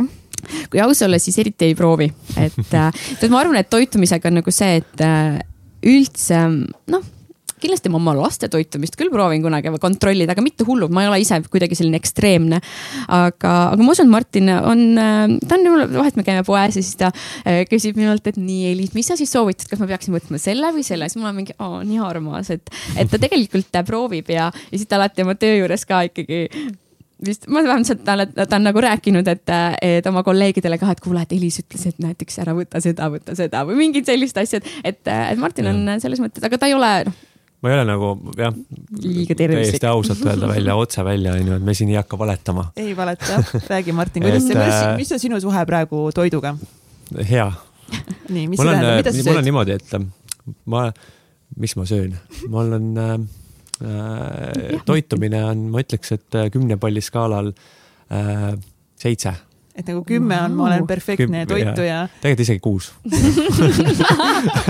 aga kui et, äh... Elis, mis see, mis siin nagu sina kõrvalt vaatad, sa annaksid kümnepallisüsteemist? ma arvan ja, et see kuus on täitsa okei okay., tegelikult Martin ei ole noh, et, et toit, ega mina ise, ma isegi, ma ei, ma ei ütleks, et ma olen kümme, et eks kümme on. keegi meist ei ole kümme. ja et kümme, kümme on midagi selline väga ideaalne, mida me võime mingi periood teha või siis mõni inimene. ringlit ei käi ostmas kuskil, seda võime kohe öelda. jah, ringlit ei osta, aga aga ja ma arvan, kuus on päris õige, Martin, et sa võid siis rääkida, mis sa siis sööd, sest naine ju sulle süüa ei tee eriti seda ta ikka vahest heidab mulle ette. ei ma... heida ette. okei okay., natukene aga mis ma söön, mis ma söön, ma, mul on, ma ütlen, mul nooremana oli see natukene jällegi, jällegi viga, et peaks võtma seda aega, aga nooremana mul oli see natukene parem. see ärkad üles, sööd rahulikult, on ju, ja siis lähed eh, tööle ja siis seal sööd ja siis õhtul sööd ja noh, ikka niimoodi. aga praegu mul on pigem niimoodi, et mul on pigem see mindset, et ma tegelikult suht tihti söön ikkagi väljas ja tegelikult see on probleem selles mõttes, et äh, täpselt, raha kulub rohkem. suva see tervis aga... nagu, lihtsalt raha raha kulub. aga lõunal, ei ma Elis ja ikka... Martin käisid meil külas, siis Elis tuli varem meie juurde onju ja siis kus Martin on, ta läks vist Circle K-sse või kuskile mingi süüa võtma. ma võtsin, ma võtsin seda mingit feta kana räppi. oi jah, et, et ma selles mõttes ma, mitte et ei jääks muljet, et ma nüüd hullult mingi laseks mingeid pitsasid ja mäkke ja asju näost sisse ja mingeid hullud magusaid jogurteid, onju. aga ma tõesti, ma, nagu ma eile õhtul ka rääkisin oma sõbraga käis meil külas, on ju, Madis, siis äh, me rääkisime toitumisest ja ta ütles, et see on see, et see on okei okay,, kui sa teadlikult teed selle otsuse et äh, viga on see, et sa lihtsalt lahmid neid, noh, ma võin seda öelda tegelikult jällegi, võib-olla keegi solvub mu peale, onju. aga kui sa oled ikka neli aastat kaubanduskeskustes äh, pensionifonde müünud, siis sa ikka no erinevates poodides tähendab, siis sa ikka näed natukene, mida inimesed toidukorvi panevad. Ja sa näed, et, et on kahte tüüpi inimesi, on äh, need inimesed, kes lihtsalt lahmivad, võtavad kõike, et okei okay,, mulle Valio või kes iganes ütles mulle reklaamis, et see on tervislik ja hea ja tegelikult vaatad, palju seal suhkrut sees on, onju ja teine, teine versioon on inimene, kes ütleb, et või noh, kes teab, et okei okay,, ma tean, et see võib-olla ei ole kõige parem toode, aga ma täna tahan seda et äh, on, ongi kõikide asjadega niimoodi, ma tean, et sealiha ei ole tegelikult äh, nüüd äh, asi, mida iga päev võiks hommikust õhtuni näost sisse ajada. aga ma täna tahan seda, ma tahan seda võib-olla seda veiseliha või mingi ribi või midagi suvel grillida, onju. aga äh, sa pead, arvestad ka sellega, et mis on sinu ökoloogiline jalajälg, miks sa teed seda, mis, mida see nagu põhjustab, kui sa lähed, võtad selle Maci heine, siis kui palju tegelikult äh, on lihtsalt selle heine taga veel midagi, mis sa oled mõjutanud nagu ja mina, mina la, ütle, lahterdaks ennast pigem sinna äh,, sinna teadlikuma toituja juurde tänu Elisele muideks, kus noh, muidugi ma ikka olen selline õpihimuline, ikka poes mm -hmm. kogu aeg küsin talt, et kas see, mis sa sellest arvad, kas see on okei okay?. siis ta ütleb, et ei, tegelikult see ei ole okei okay., et siis ma nagu. mille peale näiteks Elis ütleb, et see ei ole okei okay.? oskate mingi näite tuua? Um,. ma olen suht selline no. maiasmokk nende, nende jogurtite või kohupiimade või pudingute ja nende mm -hmm. asjadega, mulle ikka meeldivad ja. et, et ma arvan, ma olen talle lihtsalt äh, rääkinud, noh rääkinud, et vaata, kui palju siin on lisatud suhkrut, et, et sa lihtsalt tead, et, et mõnikord ma ütlen ka, et kuule, noh, et sa võid ju võtta selle või noh, et ma ei ole seda tüüpi, et kuule, et ei tohi süüa, et emme, omi emme, ei, see ei luba, onju, et ma ei taha siin emalik olla. ei, ei poissikene, et ei tohi siin süüa, onju, et, et iga noh, tegelikult inimesed teevad oma otsused hästi ise ise ja, ja mingil määral toitumisega on ka see, et sa ei saa nagu seda peale suruda, et inimene peab ise kuidagi hakkama mõtlema Täpselt. ja sa annadki mingeid mõtteid, vaata, et vaata, kui palju siin on seda või, või noh, kas sa ikka tahad seda süüa. võtad telefoni välja, näid, näed, Martin, selline sa oled, kui sa seda sööd. kõige parem on, kõige parem on see nagu mingid koolitused või mis asjad, mis Elis läbi viinud, kus teie ka käisite, vaata, mäletad, kus ta Suhku. pani sulle mm, -hmm. pani sulle näiteks Coca-Cola purgi lauale mm -hmm. ja siis pani sulle kõrvale kuubikud, mitu, mitu kuubikut mm -hmm. suhkurt seal sees on.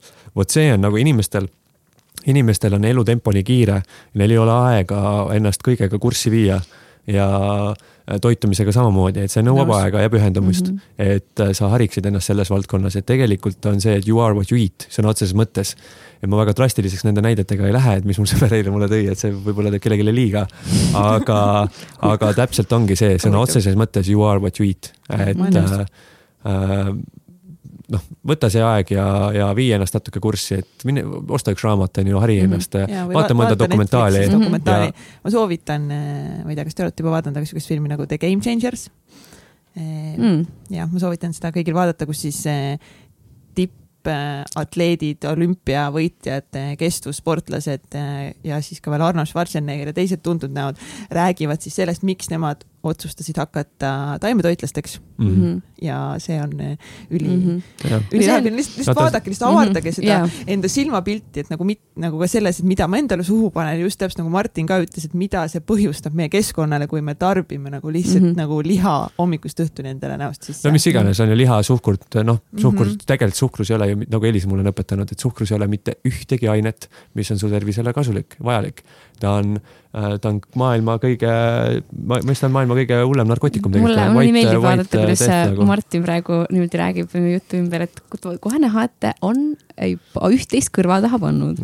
väga super. et aga, aga üldiselt, mis mina nagu, kui Martin siin lubab, et ja, et kunagi ma siis leian rohkem aega meie jaoks, onju. noh, nalja pärast, siis mina alati, et kunagi ma hakkan sulle rohkem süüa tegema et selles mõttes me oleme nagu tasa, et, et mulle meeldib süüa teha ja kuna ja minu nagu unistus on see, et mul on kunagi seal majakeses, mis siis mm -hmm. me ostame, on suur köök mm. ja ma nii tahaks teha oma, oma perele selliseid ilusaid nagu söögi, noh, nii-öelda õhtusööke ja, ja, ja minu jaoks on söök, söögi valmistamine natukene selline armastuse näitamine. alati, kui ma lähen kuhugi vanaema juurde ka, just, et siin ma just käisin kuskil seal, siis ma alati teen talle süüa ja kooki ka on ju ja, ja see, see on kuidagi, et ma näitan sellega armastust.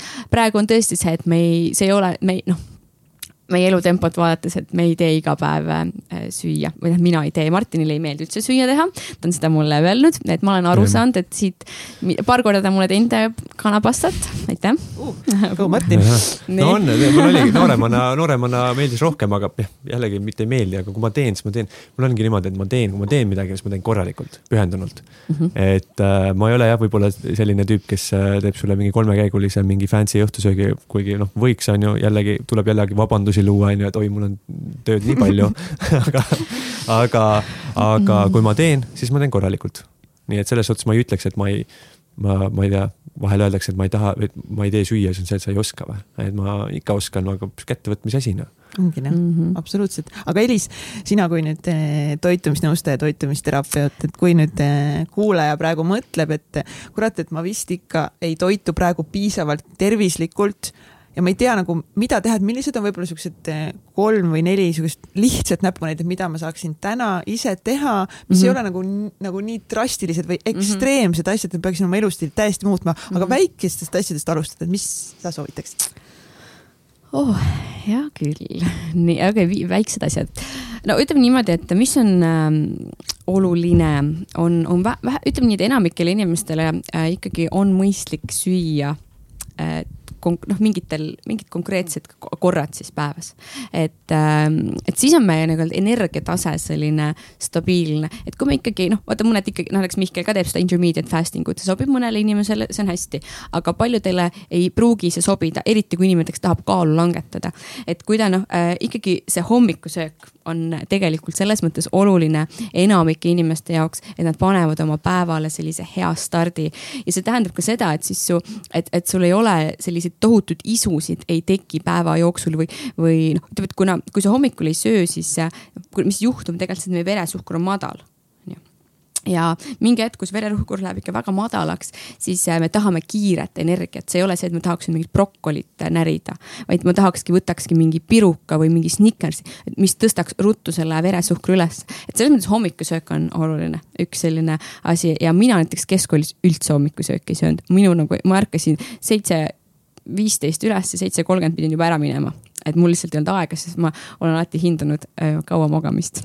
aga, aga ja, et nüüd ma söön ju hommikut küll ja et aga, aga jällegi, mis on nagu oluline ka hommikusöögi, et seda fasting ut tegelikult äh, mingil määral on täitsa mõistlik teha. et üks on see kuueteist tunni fasting, aga teine näiteks noh, klassikaline, mis tegelikult võiks alati olla, on kaksteist tundi. ehk siis, kui sa õhtul sööd näiteks kell noh, kell kaheksa, siis ei oleks hea enne kella kaheksat hommikul süüa või, või kui sa oled näiteks õhtul hästi hilja söönud, näiteks nädalavahetustel, et sööd võib-olla kell, kell kümme veel on ju, et siis ei ole, siis jällegi sa võid vabalt oodata kella kümne, üheteistkümne süüa näiteks pühapäeva õhtul teha sellise hilisema äh, hommikusöögi või pühapäeva hommikul tähendab et, äh, et see on äh, hea. Ja siis kindlasti seesama see suhkru teema, et äh, hästi lihtne asi on, et igal toidul on peal ju kirjas, kui palju seal, mida iga, mida ta siis sisaldab. et vaata, kui palju seal tootes suhkrut on, et sa tegelikult imestad ise ka, mida, kui palju suhkrut sa endale päevas suudad sisse tarbida. Ja selles mõttes on noh, see reklaam ka, mida, mida tehakse, noh kasvõi need magustatud piimatooted, ma arvan, et eestlaste enamik eestlased mõtlevad ja et need on, et see on nagu tervisetoit mingil määral. võib-olla, võib-olla nagu mitte enam nii palju, aga, aga mingites ringkondades ikkagi mõeldakse. ja samamoodi antakse hästi palju lastele neid magustatud piimatooteid just selleks, et seal on ju kaltsiumi ja valku. aga vaata, kui palju seal suhkrut ka on, et, et lapsed tarbivad noh magustatud piimatoodete põhisihtgrupp ja kui su laps tarbibki neid noh, et see on nagu peaks olema nagu magustoit, et sa võidki talle anda seda maasikakoobimakreemi, aga see ei ole noh, mingisugune hea hommikusöök mingite helvestega, vaid see on magustoit, et siis ongi valik, kas annad talle seda must, seda maasikakohupiimakreemi või sa annad talle šokolaadi või kommi on ju, et, et need on võrdsed, et seal ei ole tegelikult üks nii palju parem kui teine. Seda tasub kindlasti äh, vaadata. ja, ja siis, mis, äh, mis võib-olla veel väike selline nipp, et äh, noh, kuna siis te, te, teie siis enam liha ei söö, on ju. Katrin, või? Jah, ei olegi, ei olegi sellest veel jõudnud äh, rääkida Aa, siin podcast'is. ei tohi, ei ma tohi, ei tohi, jah, ei ma ei tohi enda podcast'is rääkida. aga ma mõtlesin, et aga, lihtsalt see lihateemat korra räägid rää,. Rää, me võime vabalt lihateemast rääkida, aga ja ma alust-, nagu korra räägin siis meie nagu natuke teekonnast, et mm, -hmm. et juba mingi aasta pluss tagasi täpselt see suhkru teema mm -hmm. hullult puudutas meid, et oo, et Egert tahtis ka kaalu langetada. ja, ja palju ta alla võttis, ta võttis ju väga kümme, palju. kümme kilo võttis põhimõtteliselt ühe kuuga. no vot. ja, ja vot, jättes ära nagu põhimõtteliselt ainult suhkru ja me hakkasime nagu kodus ise, ise süüa tegema Äh, Go-Egert, et see on nagu, et see on võimalik. näeb väga hea välja. natuke mm -hmm. ekstreemne näide, eks ta on nagu nüüd, nüüd on juba natuke tulnud kinost juurde, ei, aga ta näeb siiski suurepärane nagu välja. et me alustasime nagu sellest, siis me tegime ka niimoodi, et me hakkasime piimatooteid vähem tarbima ja põhimõtteliselt ainult vahepeal juustu vahepeal üldse, üldse mitte nagu, vanasti ma jõin ainult piima, ma sõin vähemalt ühe liitri piima päevas ära, pluss mm -hmm. hapukoort lihtsalt nagu no, kõiki mm, -hmm. Njam-njam-njam. see on see maa, mulle samamoodi, sa maalt oled pärit, siis sulle müüdi seda ideed, et kui sa palju piima jood, siis sul on hambad ja luud terved. muidugi ja sa oled üldse nagu noh. hullult tugev ja terve inimene, siis me jätsime nagu piimatooted ära ja olemegi proovinud kogu aeg nagu tervislikumalt toituda, aga meie elus, elutempo juures ka nagu see ise tegemine, toidu tegemine on nagu ülikeeruline, nagu ma usun mm, -hmm. paljudel on. ja nüüd, nüüd me otsustasime, et, et jätaks ka siis liha ära oma menüüst mm. -hmm. ja kuidas tunne on? suurepärane, kusjuures no, no. suure, nagu uskumatult suurepärane, alati mm -hmm. on see, mida siis eh, veganid räägivad et kui sa nüüd hakkad veganiks, et siis sa avastad nii palju uusi maitseid, ma olen nagu, millest te räägite inimesed see ei ole võimalik mm, -hmm. nagu noh, ma söön ikka nagu enam-vähem samu asju, juurvilja kõike, aga jaa, nagu mm -hmm. me teeme hoopis teistsuguseid toite, mingi peedi eh, ja bataadisuppi näiteks tegime mm -hmm. üleeile. Oh my mm -hmm. god. hea on ju. mega hea lihtsalt ja Egert, kes on vana lihasöödik lihtsalt nagu ainult põhimõtteliselt tema liha süüa tahakski, ütleb nagu, et need nagu on kõik mehed jah, et need on maailma parimad toidud, mis ta nagu üldse praegu söönud on no,. nii et, eh, nii et. et see on see, see lihateemaga, et ma ise, mina isiklikult ei ole ei taimetoitlane ega vegan, aga hästi oluline ongi teada, et, see ta,, see tasakaal, et kui sa ikkagi otsust-, sa tahad mm -hmm., noh, sa tahad, et su menüüs oleks piimatooted ja liha, et siis äh, millises koguses, et me, me kõige rohkem peaksime ikkagi tarbima juurvilju. Ja sinna juurde siis ka kvaliteetseid teravilju, et see on tegelikult see, millest see meie menüü võiks nagu nii-öelda, millel ta võiks baseeruda. Ja siis sinna lähevad juurde muna kala, noh, kala on ju liha, piimatooted, et mitte nagu vastupidi, on ju, mitte et liha on minu, minu toidu baas on ju, siis natuke panen sinna paar tomatit ka juurde.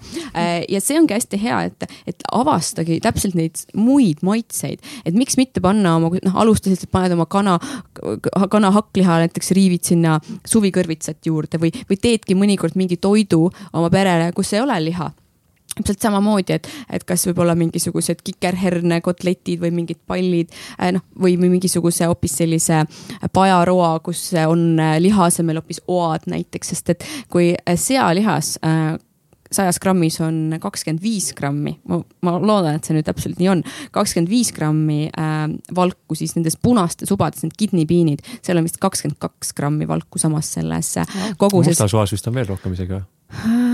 No jah, just see nagu see punane uba, see, see kidneybean on, on see, mis, äh, mida mina hetkel niimoodi oskaks. professionaaliga ei tohi vaielda. ei, ma, ma ei tea, must ja punane uba on suht, ma arvan, sarnased toiteväärtuselt mm. -hmm. ja samamoodi läätsed, et miks mitte teha, ma tegingi just üks päev siin spagette äh, läätse boloneesega. ja, ja, ja kohe mina nägin seda Elise Instagramis, siis ma tegin järgi. tegelikult muidugi seda läätsesid ei, ei armasta süüa, tal on võib-olla isegi toidutalumatus veits uh -huh. nagu ubade ja mingid läätsed, sellist asjad. No, aga, aga, aga mulle väga maitses see mm -hmm. ja see oli tõesti ülihea ja, ja, ja meenutas hakkliha boloneeset nagu täiega. just, täpselt ja Martinile meeldis ja meil käisid külalised ja neile meeldis, et see idee ongi selles, et nagu leia mingeid muid asju veel, millest sa saad äh, teha, teha toite, et, et juurviljadest on ju mingid lasanjad, millel ei ole hoopis nisujahu need plaadid, vaid on näiteks baklažaan äh, seal, seal nii-öelda nisujahu plaatide vahel, et mingisuguseid muid asju, isegi kookidesse saab sinna suvikõrvitsat äh, riivida. isegi brownit isegi, kui magusast asjast rääkida, siis mm -hmm. ülihea ja ma mina sain seda, teised said seda, kõik mm -hmm. on öelnud nagu best brownie ever.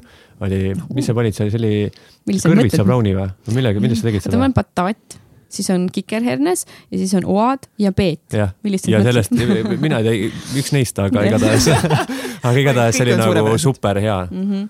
ja kikerhernestest näiteks saab väga head brown'it teha, et või, või kasvõi peedist, obadest, bataadist, et tegelikult noh lihtsalt guugeldage ja leidke neid retsepte, vaadake, ostke endale mingi äge retseptiraamat või vaadake kasvõi tõesti kuskilt internetist, võib-olla mingi huvitav toidublogi on ju, et, et harige ennast võib-olla sellel teemal, mida saab veel süüa, sest et äh, kui mulle nagu öeldakse tihti, et kuule, aga me ju oleme alati söönud nii mm, -hmm. et mhm. kartul ja liha ja mingi koorekasta on ju, kui me mõtleme nelikümmend aastat tagasi, väga kõik sõid niiviisi, on ju, aga siis oligi teine aeg siis ei olnudki nii palju valikut, on ju. et nüüd meil on ju tegelikult see valik, poed on toitu lihtsalt lademetes täis ja nüüd on meil nagu va valik vaja teha, kas me siis teeme selle hea valiku, kasutame ära kõiki neid häid toiduaineid, mida me saame äh, osta või siis me saame teha halva valiku seal poes ja osta samamoodi kõike seda ilusat värvilist ja, ja ähm, ära, ära igasugust noh, nii-öelda süstitud on ju.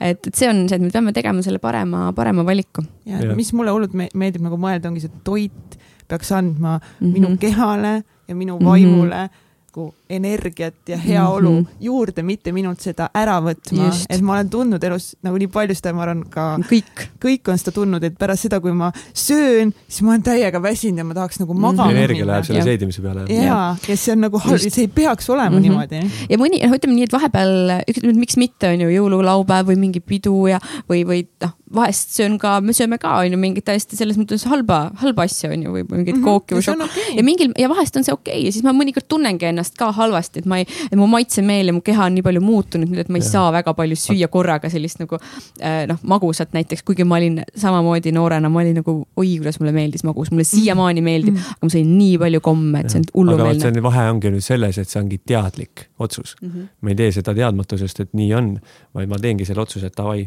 täna ma tahan seda ja, ja. ja ma luban endale seda. ja ma, mis ma siin vahemärkusena öelda, et, et kuidas nagu inimesed võib-olla algust teeks sellega, siis mind aitas äh, väga see, et äh, lihtsalt vaatadki mingeid dokumentaale, dokumentaalfilme mm, -hmm. näiteks ja. Äh, suhkru poole pealt, mis tegi, minu jaoks oli mind blowing, oli see Sugar. kus üks ja Sugar Movie, kus üks kuu aega järjest ainult hullult mingi suhkrutooteid tarbis, ennem oli, ennem oli nagu juurikate peal ja kuidas oligi täielik, äh, täielik tervisemuutus ja kehanahk ja kõik asjad mm -hmm. nagu ja tundis ennast halvasti. ja teine asi, on see, et minu arust, mis on üks väga suur, kui ma enda peale ka mõtlen, on see, et äh, sul on nii kiire kogu aeg mm, -hmm. et äh, hommikust õhtuni töö, töö, töö, töö, töö ja siis sa ei, sa ei luba endale neid lõunaid või sa ei võta aega maha ja sa võtad, tahad midagi kiirelt haarata, mingit snäkki kaasa ja mm, -hmm. ja pahatihti see kiire snäkk ongi näiteks mingi ma ei tea, mingi ülesukustatud müslibatoon või mis iganes, aga sa arvad, oh, müslibatoon, et jess mm, -hmm. see on hea, annab mulle energiat ja see on tervislik. lased, lased neid pärast jõusaali sisse endale, aga pärast tegelikult noh, vaatad ikka, mis seal sisse mm, -hmm. noh, mida ta sisaldab, on ju, et siis päris nii ilus see pilt ei ole. kusjuures, äh, kui ma olen ka käinud ettevõtetes rääkimas äh, toitumisest ja, ja, ja üldse tervisest, et siis tegelikult just on see, et kui sa oled selline inimene, kes tahab nagu elus noh töötad palju, sa annad endast palju, sa tahad palju saavutada, sa nõuad endalt palju, noh, et siis see ongi täpselt see hetk, kus sa peaksid oma keha eest hoolitsema just talle andma nagu õiget toitu. Eh, sest et eh, noh, selle pealt su keha ju üldse nagu elabki ja toimibki, et kui sa tegelikult noh, kuidas see ongi, et sa, sa paned oma kehasse mingit jama, on ju, eh, noh, sa nagu diisliautosse on ju, paned natukene kogu aeg bensiini ka et võib-olla kohe nagu ei, ei anna otsad, on ju, aga mingi hetk noh, mootor ütleb ülesse. et, et sa pead ikkagi just eriti siis, kui sa äh, tahad endalt palju ja, ja töötad palju, et sa pead eriti tähelepanu pöörama tegelikult oma toitumisele üldse, oma tervise, tervislikkusele. sealt vist tulebki see läbipõlemine ka nagu üks mm, -hmm. üks nii-öelda katalüsaator, ma arvan. et sa pead ikka hoolitsema iseenda eest, et me ei ole mingisugused igiliikurid mm, -hmm. on ju, et me oleme ikkagi ja. inimesed, et ähm, kõikide, kõigel on, on piirid, aga kui sa hoolitsed iseenda eest, ma usun küll, et su keha on võimelisem rohkemat et, ähm, et jaa, nii et. hoolitsege on... kõik oma tervise eest ja ma arvan, aga ma arvan, mis praegu nagu on hästi suur probleem nagu, et inimesed tahavad hoolitseda oma tervise eest, aga mm -hmm. seda infot, mida me saame igalt poolt mm, -hmm. on nagu nii tohutult mm -hmm. palju nagu on see küll, dieet, see dieet nagu söö seda, ära söö seda nagu, et va vaada, ma arvan, et peaks lihtsalt vaatama nagu seda mm, -hmm. et mis toitu meie rakud vajavad mm. -hmm selleks, et nagu hästi funktsioneerida versus mm -hmm. see, et ma lähen kuskile ekstreemsusesse ja ei tarbi yeah. nagu seda ja siis ma mm -hmm. ei mhm. söö seda ja ma söön ainult mingit liha ja siis mm -hmm. panen mhm. sinna salatit kõrvale, onju. Mhm. et äh.... see on kõik hästi lühiajaline, et pigem üldse toitumine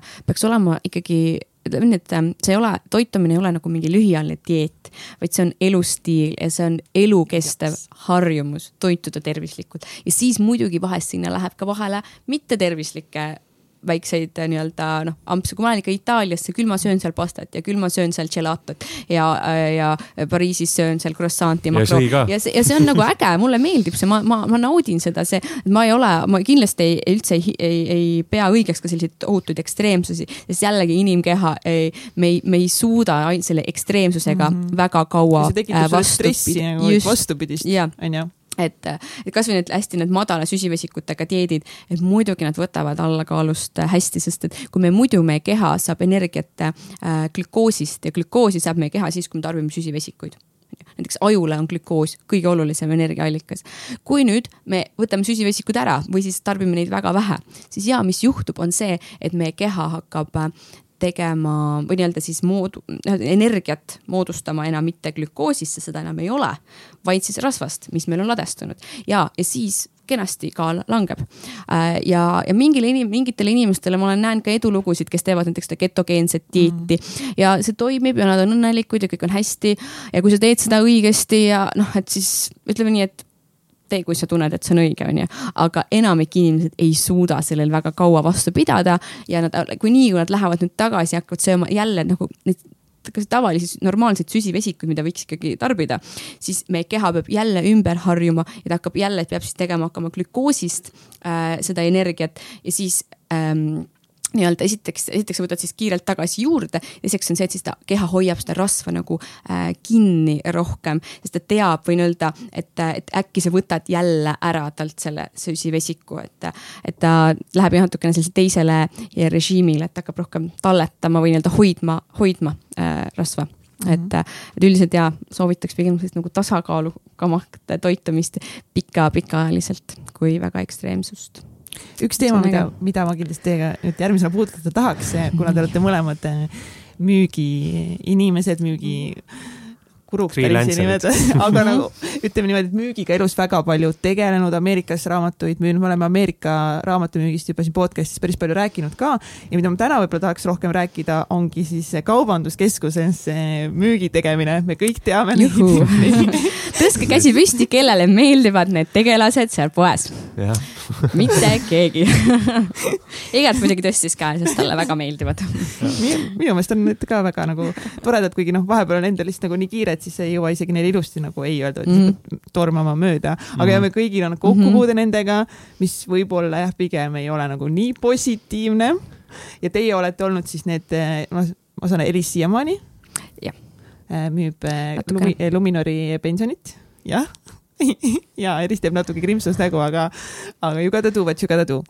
ja, ja, ja. Martin on ka pikalt LHV-d müünud jah jah, oh neid aegu, Martin igatseb neid, iga päev räägib, et saaks jälle minna kaubanduskeskusesse yes. pensionit müüma. Martin, räägi, räägi enda, enda müügikogemusest siis äh, kaubanduskeskuses. miks see, kuidas see algas? Miks sa sinna läksid ja mis seal siis täpselt nagu toimus? Ja kui pikalt sa, kui pikalt sa müüsid LHV-d? tegelikult oli nüüd niimoodi, et äh, kaks tuhat kolmteist sügisel ma tulin esimest korda raamatuid müümast, siis äh, Elis äh, rääkis mulle, et kuule, tule ühte teist asja Eestis tegema. Ja see oli hoopis tegelikult läbi ühe meie väga hea sõbra tänaseks, äh, kes, kes juhib seda Luminari asja, äh, Raido. Koos siis Sandriga onju, aga, aga Raido kutsus meid tegelikult Elektrumi neid äh, elektripakette müüma. Ja siis äh, jah, sellel tööl on, on jah, nii plusse kui miinuseid onju, pluss on see, et sa ise dikteerid oma aega ja oma töötasu on ju kõik, et nii kui palju, kui sa töökas oled, siis sealt sai see minu algus. Ja siis ma olin seal kuni kahe tuhande neljateistkümnenda aasta maini. Ja kes ma käisin vahetult kogu aeg äh, jõusaalis. Ja jõusaalis ma sain tuttavaks siis mis, mis ma, ma sain tuttavaks, aga minu poole, minu ja siis kahe teise tüübi poole, kui me samal ajal trennis olime, pöördus siis see, kes seda LHV asja ajab, Lauri. Et kuule, et äh, kuidas teil seal läheb, noh, tegelikult me teame, et ta teadis, et me olime seal top tüübid äh, selles valdkonnas ja siis äh, tahtis üle meelitada, et kuule, et meil aprillis on siin tegelikult koolitus, et tulge võtke osa, et äkki tahate tahate meile hoopis üle tulla. ja siis äh, meie olime alati vaadanud, noh, see aasta oli kaks tuhat neliteist, on ju. mina vaatasin alati, et need LHV-kad, kuskilt ägedad tüübid, ilusti riides mm. -hmm. Äh, ilusad inimesed on ja, ja, ja mm -hmm. noh, see töö peab olema ka hästi tasustatav, muidu keegi ei teeks seda.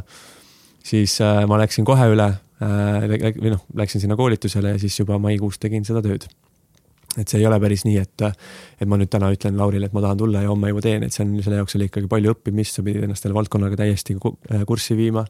Äh, testide, teste tegema, atesteerimised, äh, mis ei olnud lihtsad, seal olid ikka sul pangas vastas ikka kaks prouat, kes ikka peedistasid sind korralikult igast küsimustega, et sa ikka tunned seda valdkonda. ja siis hakkasin seda tööd tegema ja, ja, ja minu jaoks ma ütlen, et äh, mulle, mulle meeldis, mulle meeldis, äh, mulle ja see on ka üks põhjus, miks ma võib-olla müügivaldkonnas olen, on see, et mulle meeldib täielikult ise dikteerida, millal ma töötan, kus ma töötan, kas ma töötan ja kellega ma töötan.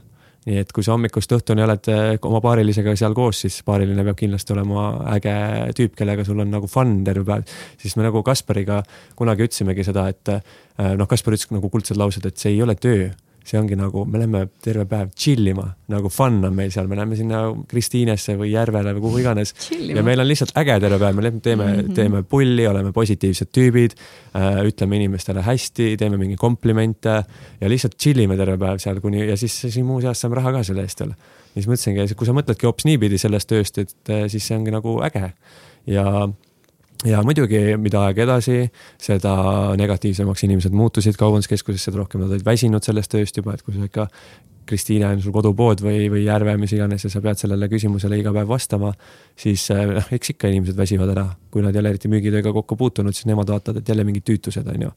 et ja veel seda võimendas ka see, et meedia hakkas puid alla laduma fondidele, et tulemusi ei ole ja mõttetu ja raha ei näe kunagi ja ehk noh, see kõik oli selline võimendus sellele negatiivsusele.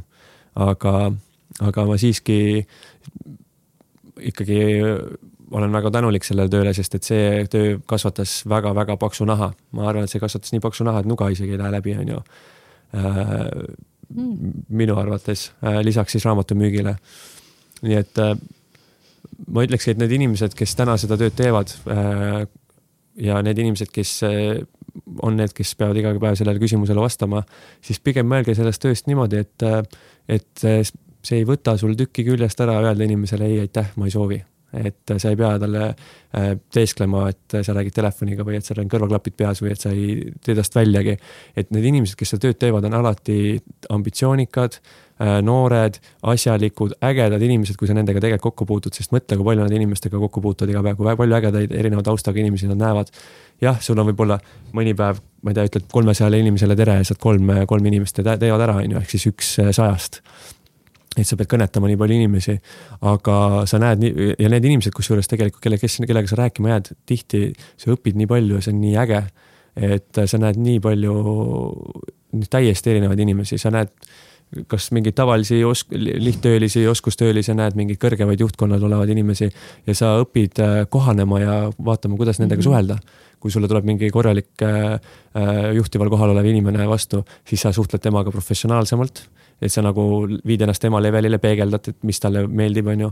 Versus siis see, et kui sul tuleb mingi lihtsam inimene vastu, et siis sa ei hakka mingit väga keerulist, peent majandusjuttu rääkima, et see on nagu. minu arust see on nagu nii äge ja see on ka põhjus, miks ma, miks need kaubanduskeskuste müügiinimesed pahatihti on ka teistes valdkondades väga head. et kui ma võtaks praegu mingid näited, kes on müünud varem pensionit või müünud äh, teleteenuste pakette või mida iganes, on ju, Viasati või midagi, siis reeglina ikkagi need inimesed, kui nad selle töö ära lõpetavad, need inimesed on väga tahetud Eesti tööturul tegelikult. ja nad, äh, äh, sest et nad teavad, et esiteks nad on töökad ja teiseks nad on tugeva nahaga. siis nad on praegu väga ägedates positsioonides, liht-, sugugi ei ole siuksed, et mine otsi omale normaalne kätega töö, on ju. et minu, minul on ülim respekt ja mina, minu siiras soov on ka, et et need inimesed, kes äh, igapäevaselt peavad sellele küsimusele vastama. muideks, ma käin ka päris tihti poes ja ma tõesti ei, ei näe neid nii palju. Nii et mina olen vastanud võib-olla paari kuu jooksul äkki ühel või kahel korral pidanud sellele terele vastama. ja ma tõesti soovin neile edu, ütlen, et kuule, et mul on olemas, pange täiega edasi. et teete kõva asja tegelikult, et mis siis, et inimesed teiega karmid on aga. aga kuidas see, see karm olemine nagu mõjutab sind selles mõttes, et sa näed inimesi nagu sadu päevas, kes enamus nendest nagu kõnnivad mööda ja nagu. kohtlevad sind halvasti jah. nagu no, kuidas see sind inimesed Martin, ma arvan, Martinit natuke ikka mõjutas. ega, ikka mõjutas ja, ja sest et vaata, sa võid selle ilusa näo seal teha, on ju, noh, nagu ma ei tea, kas keegi on näinud, näinud juba seda võib-olla see on liiga ekstreemne näide, aga kes keegi on näinud seda Jokkeri filmi, mis nüüd just oli, et äh, ülihea film nagu et äh, inimene naeratab, inimene üritab teistele nalja teha, aga sisimas sa ei tea, mis ta sees toimub et sama on ka müügivaldkonnas, et äh, need inimesed äh, annavad iga päev endast parima, et teha häid tulemusi, teenida, teenida raha, on ju, teha tööd, aidata, tegelikult see on aitada inimesi, et sa teed, tood, teed talle parema pensionifondi, mis on tegelikult äh, tänuväärt, et sest inimesed ise ei viitsi sellega tegeleda siis äh, neid inimesi koheldakse nii negatiivselt, ka kaasa arvatud ka meid. ja see hakkab sulle tegelikult ikkagi mingist hetkest hakkab see sulle pähe, see hakkab äh,, ma tundsin seda, et äh, tegelikult ma pidin selle töö ära lõpetama, ära minema, sest et ma tundsin, et see muudab mind negatiivseks, negatiivsemaks äh, äh, päris paljudes äh, asjades, näiteks, et ma ei hakanud, kui ma nägin mingeid inimesi mingeid võõraid inimesi ja siis ma juba eos, äh, kui ta mulle negatiivselt vastas, siis ma juba nägin temas halba ma nägin, et ta on noh, mitte vastik inimene, aga ta on negatiivne ja ta mõjutab mind äh, ja siis ma hakkasin nägemagi inimesi negatiivsemalt. kuigi tegelikult sisimas me peaksime jõudma elus sinna etappi, nagu millest Rain Tunger väga palju räägib, on see, et sa näeksid kõikides head mm., isegi kui sa, kui sa ei taha seda näha, isegi kui ta on, kui ta tõesti on halb inimene siis sa ikkagi üritad midagi positiivset selle inimese kohta leida. ja vot see ongi see asi, et milles need inimesed seal kaubanduskeskuses peavad väga tugevad olema, et näha kõikides inimestes positiivset, sest et tegelikult neid inimesi koheldakse nagu sitta sõna otseses mõttes seal poest, noh, nii on. varasemalt oli see asi natuke positiivsem, aga nüüd on ikkagi see, et noh, mõni, ma olen mingi ekstreemsuse ka kuulnud, et mõni tuleb poodi ja vaatab, et LHV või kes iganes on seal ees, nad keeravad otsa ringi, lähevad teise poodi. et noh ma ei tea mm. et äh, päris. ma võib-olla ise ütlen ka, et minu arust äh, ei ütlemine või see, et, et sul on ju seda noh mune sul on ju mune öelda ei, on ju. et, et on ju, et, et sul on nagu või noh, enesekindlust, et sa ei pea ilmselgelt kõike ostma, mida sulle müüakse, et ma ka ei tee seda. küll aga ma kindlasti noh, hindan ja ma alati kuulan ära, kui mulle midagi müüakse, vähemalt enam, mitte alati, ma ei saa ka nii öelda, et kui mul ikka aega ei ole, siis e, e, ega ma lihtsalt niisama nagu ka ei, ei kuula. aga just ongi see, et sa, sa oskad ju ei öelda, vaata, et sa ei, sa ei pea kartma mm -hmm. neid inimesi, kes seal, seal kaubanduskeskuses on. ja, et sa võidki öelda, et sul ei ole aega ja noh, enamik, vähemalt ma usun, et me ei keegi ei tule ja umbes, et ei, ei tikuta sind, et käi, sest et tule ikka tagasi, et äkki ikka on aega. et sa oskad ilusti ei öelda ja soovi talle head ja, ja mine edasi ja ma usun, et kui sa ise oled ju positiivne teiste inimeste suhtes, siis siis äh, sa tunned ennast ju paremini või noh, ma, ma ei kujuta ette, et kui ma olen, läheks näiteks poodi on ju, näen, seal on mingi mingid tüübid midagi müüvad, kui ma olen nendega nagu ütlen neile midagi halvasti umbes, et otsige endale töö või, või mida te kiusate siin inimest ja lähen nagu poest välja, siis tegelikult koheselt on minus ka mingi see negatiivne emotsioon sees. Versus on see, et oh, kuulge, sorry poisid, et, et mul on, mul on omad asjad siin korras, aga ma tõesti soovin teile edu ja olge, olge tublid, onju, ja lähed kõnnid edasi siis tegelikult sa no, lähed ju ka nagu väikse sellise naeratusega sealt poest välja, et, et. sul on küll äh, suva, aga mõtle, mis see mhm. inimene, see noor tunneb, vaata, kui sa mm -hmm. teed tööd ja siis sulle jalu, ütled tere ja sulle öeldakse, et mine perse mm. -hmm. et äh, noh, sinu noh, ma, ma, ma võib-olla jällegi ma, ma ei saa aru nagu, kust see tuleb, et äh, see on teine inimene, sa võid, võid talle öelda, et ma ei soovi või jah, äärmisel juhul lihtsalt ära tee välja ja kõnni edasi, onju, see ei ole ka halb. mis on kõige hullem asi, mis sulle öeldud on? ma ei tea uh,. Neid on ikka, ma ei ole üles kunagi kirjutanud neid uh,, aga meil on ikka, ikka on igast asju öeldud, tõesti põhiline on see, et noh, mine otsi töö. mine otsi oma normaalne töö, jah. mida te, jah, ikka. kiusad, aga ega jah, ütleme, et mina tüdrukutele kindlasti mhm. tüdrukutega ollakse natuke viisakamad ja, ja, ja mina, mina võib-olla nii palju ei ole ka üldse tunnetanud selles töös sellist negatiivsust, ma usun, et tõesti võib-olla tüdrukutega ollakse viisakamad. aa, meelde tuli, meelde tuli, et sa oled karjääriredeli kõige madalam aste, on öeldud wow.. ja, ja vaata, nüüd on ja päris kõrgel juba. tööd edasi tegema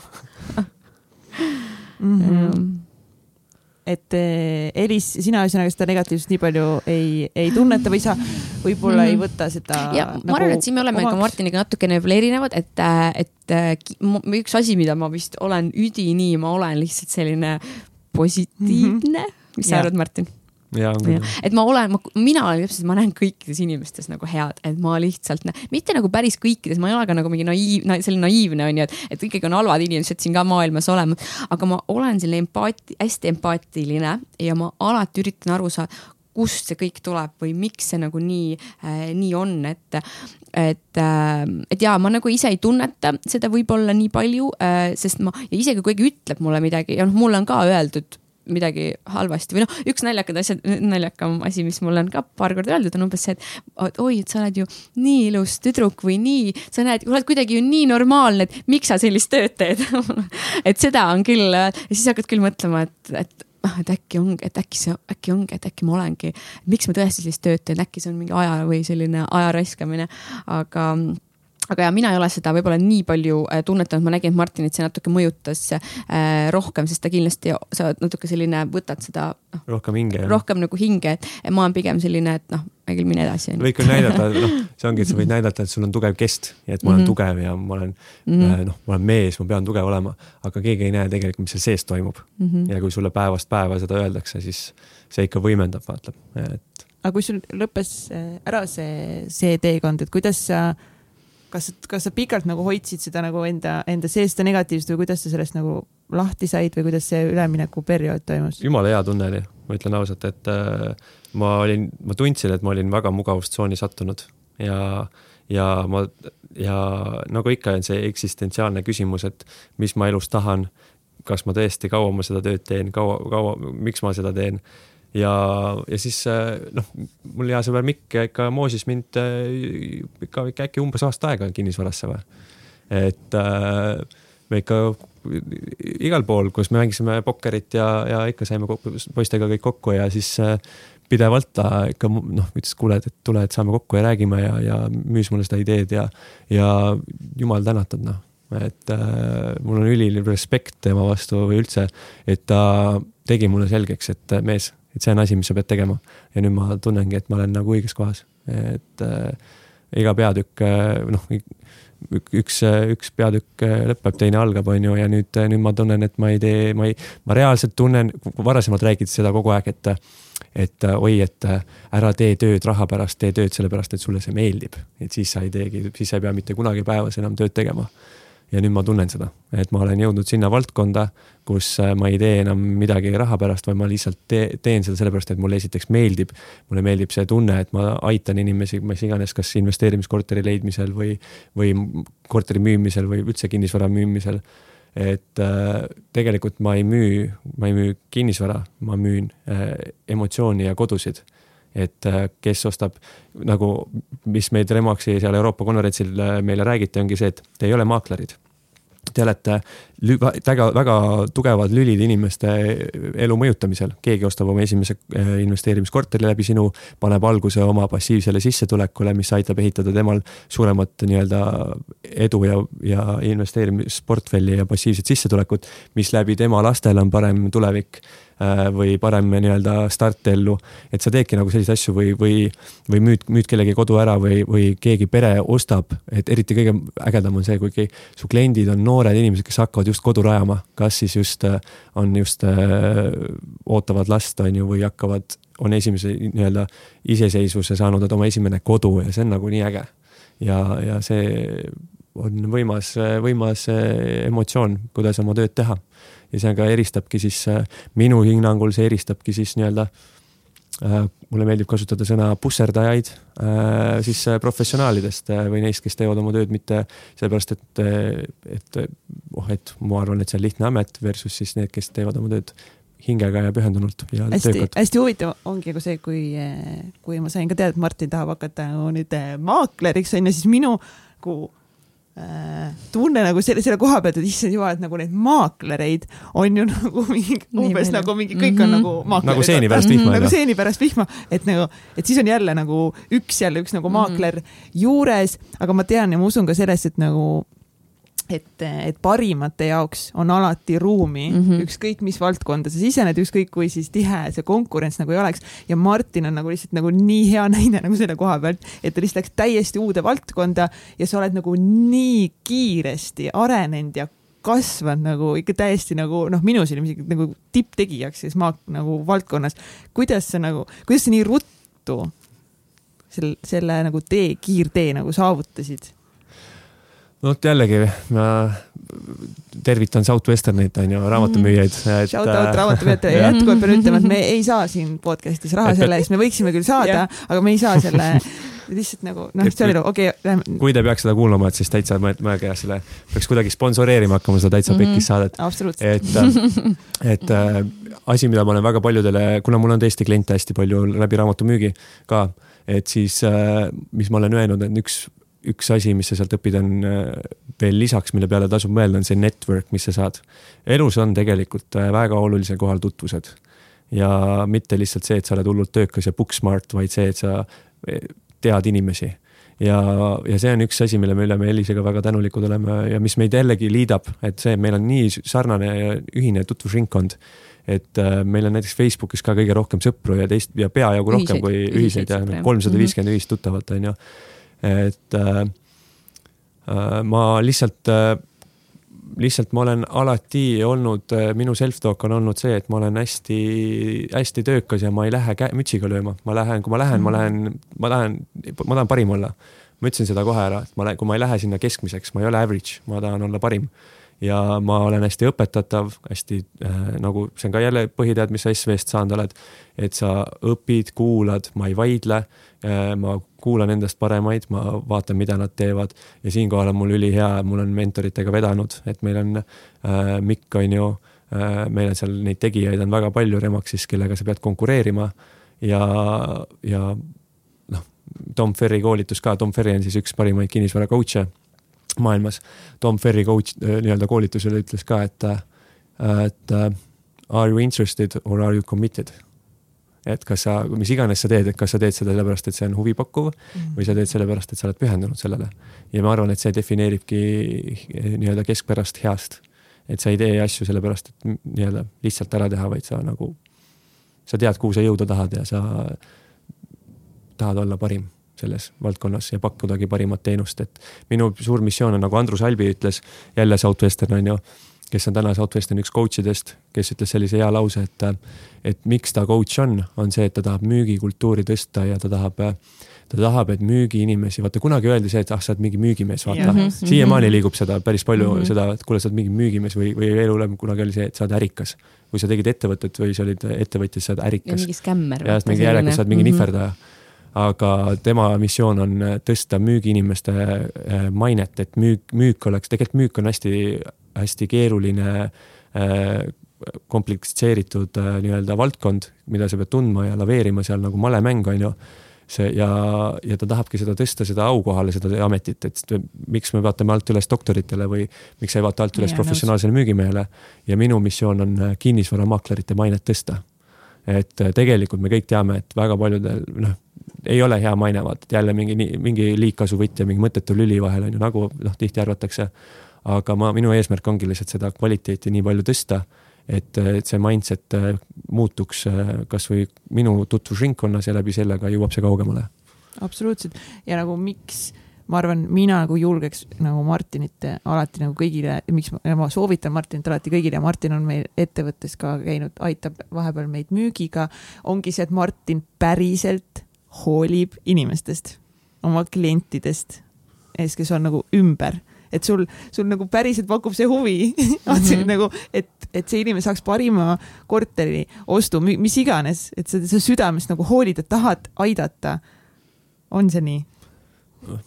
Jah Eesti mees, vaata, ei võta mina võin ka kinnitada, noh, kuna ma, ma ju ilmselgelt näen seda, ma arvan, kõrvalt kõige rohkem.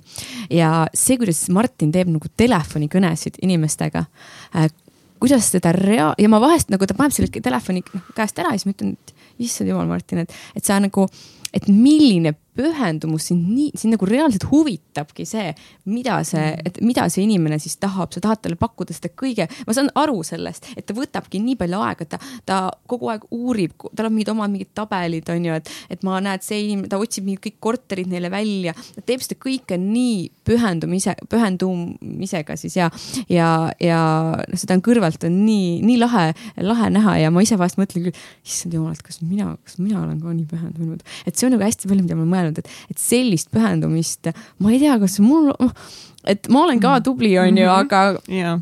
kas nagu nii pühendunud olen, no ma loodan, et ma loodan, et olen, aga, aga, aga jaa, seda, et et, ähm, et sa tõesti panustad hästi palju oma aega teiste inimeste aitamiseks, et see ei ole lihtsalt see, mulle ka võib-olla tundus nagu see, et noh, mis maaklerile müüd korteri ära ja, ja saad mingi ja. vahenduse ja noh, aga tegelikult mm -hmm. see on, mhm. see on täpselt see, et see on nii, see on nagu mingi inimsuhete teema, et seal, kui inimesed võib-olla lahutavad või, või saavad, noh, et seal on palju keerulisemad.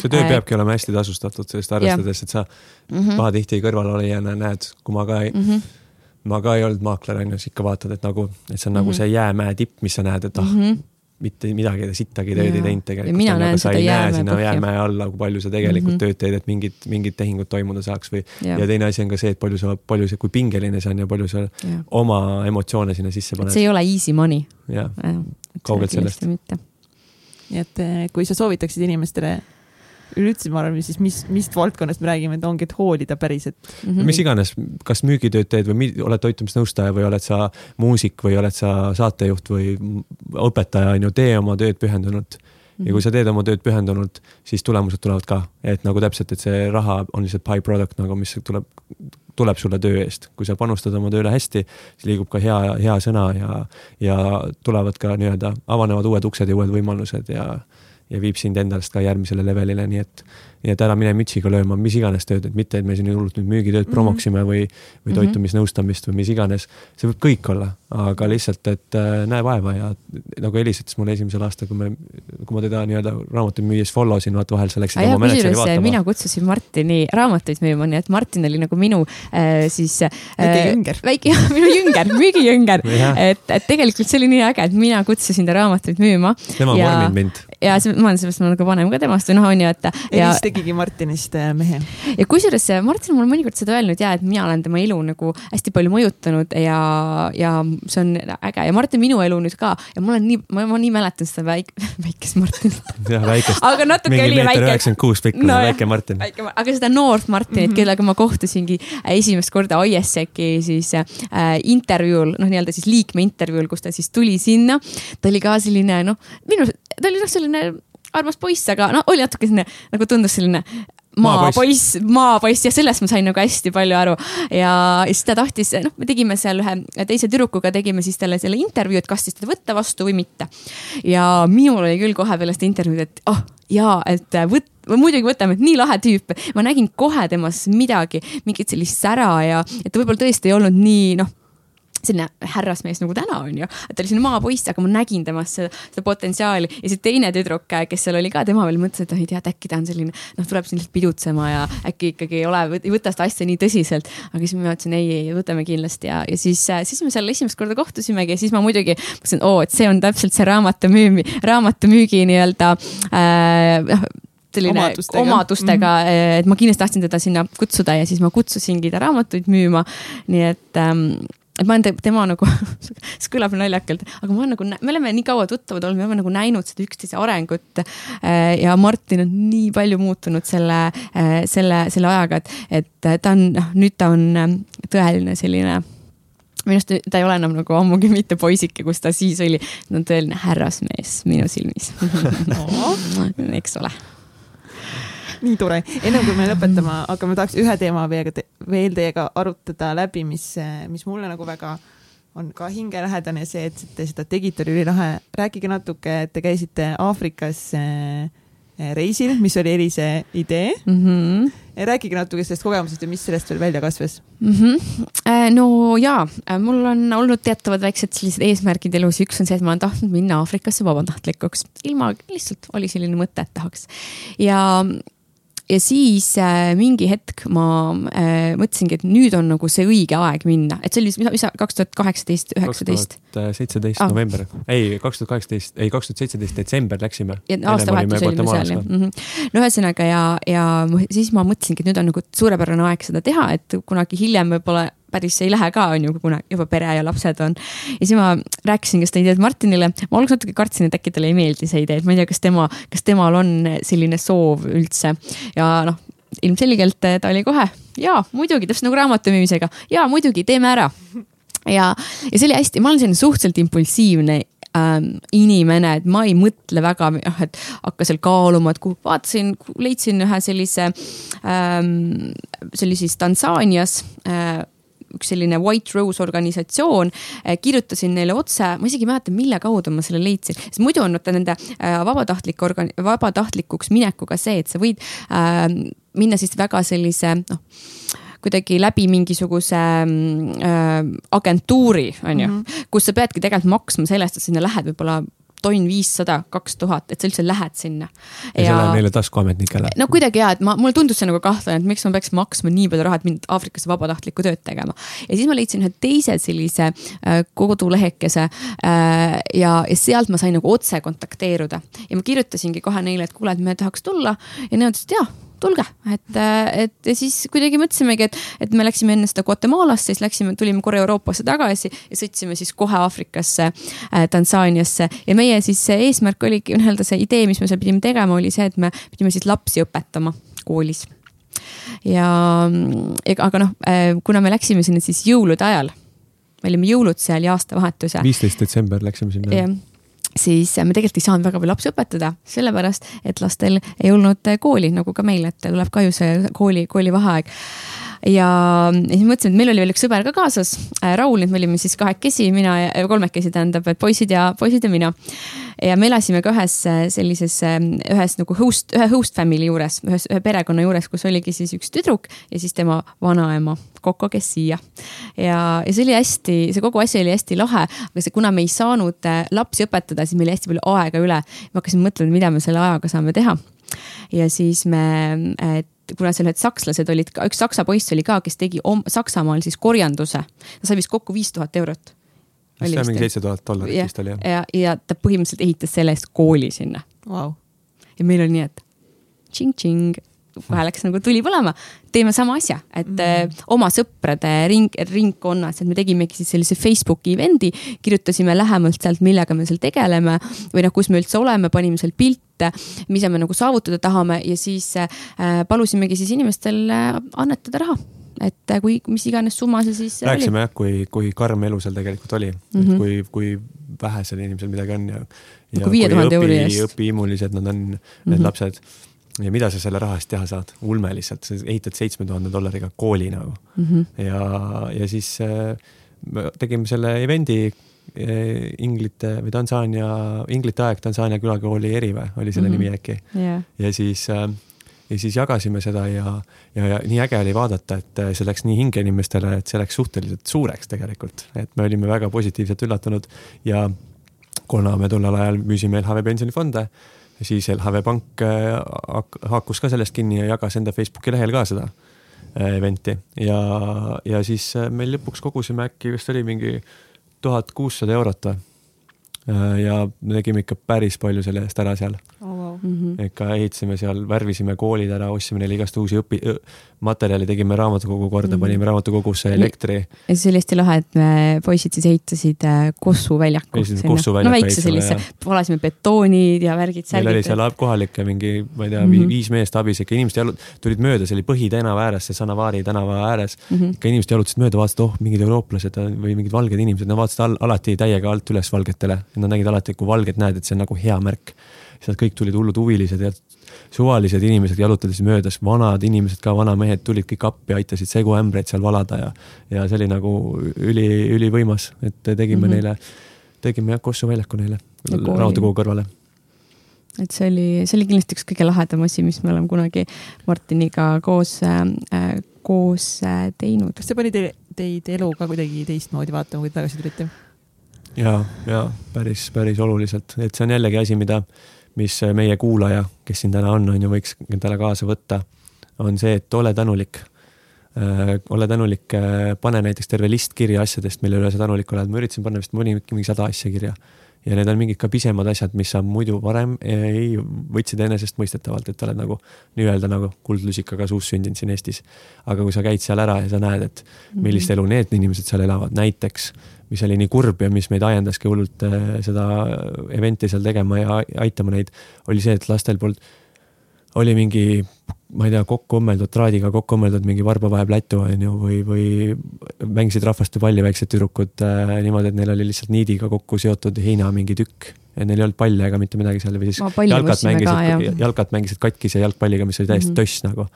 ja, ja siis, äh, ja siis hakkadki nagu ümber mõtlema oma elu, et äh, mingid pisiasjad, et muidu sa oled tänulik ikka, et noh, et ma olen, mul on äh, tervis korras, mul on äh, katus pea kohal, mul on süüa, on ju, mul on pere. ma elan demokraatlikus riigis või meil on kõik hästi siin, on ju. Äh, aga siis hakkad ka pisematele asjadele mõtlema, mis ei tule nii mm. tihti sa ei mõtle nendele näiteks, et mul on, mul on elekter või et mul on asfaltteed kasvõi või et mul on õhtul turvaline ringi käia, et ma ei pea õhtul pimedas ringi käima ja muretsema, et kas mul midagi ära varastatakse või et ma ei tea, mis iganes võib juhtuda, on ju, kui sa nii ilusa naisega Aafrikas oled siis ma ei tea, ma ei tea, mul on kasvõi, mul on, meil on näiteks, et mul on kasvõi, ma ei tea, mul on näiteks telekast võimalik erinevaid asju vaadata. seal oli näiteks jah, et äh, seal ei olnud noh, ütleme sellised nagu lihtsad asjad, mis meil on nii enesestmõistetav. seal ei olnud otseselt kööki, vaid süüa tehti nagu äh, noh, selles, see maja, kus me tegelikult elasime, oli väga, väga okei okay maja. ta oli nagu. kindlasti üle keskmise, nad olid noh äh, ikkagi hea, selles mõttes, et täitsa ilus maja oli. et seal oli isegi dušš oli ja, ja vetsupotti ei olnud, aga ilus auk oli et seal oli nagu selline, ei olnud nagu kole auk, vaid selline ilus auk on ju, kuhu sai, jah, ühesõnaga vetsupotti meenutav auk. Äh, ja siis oli seal, aga kööki ei olnud ja süüa tehti siis äh, samas ruumis, kus elas lehm ka, ehk siis nagu mingis, mingisuguses. nagu kujuta ette, mingi suvaline puukuur on ju ja puukuur, sinna on lihtsalt tehtud laotud tellistest nii-öelda lõkkekoht ja. seal tehti meile süüa. kui sellist seal, ei olnud. isegi aken, ei üks väike aken oli seal ja siis nad -hmm. istusid seal, ma reaalselt ei suutnud seal kauem kui minut aega olla, sest mul see mm -hmm. vingu, ving või see suits läks nagu silmadesse mm, -hmm. silmad hakkasid kipitama ja nemad iga õhtu istusid seal või nii õhtul, vaid kogu aeg, iga päev. tegid meile kolm korda päevas süüa ju mm. -hmm.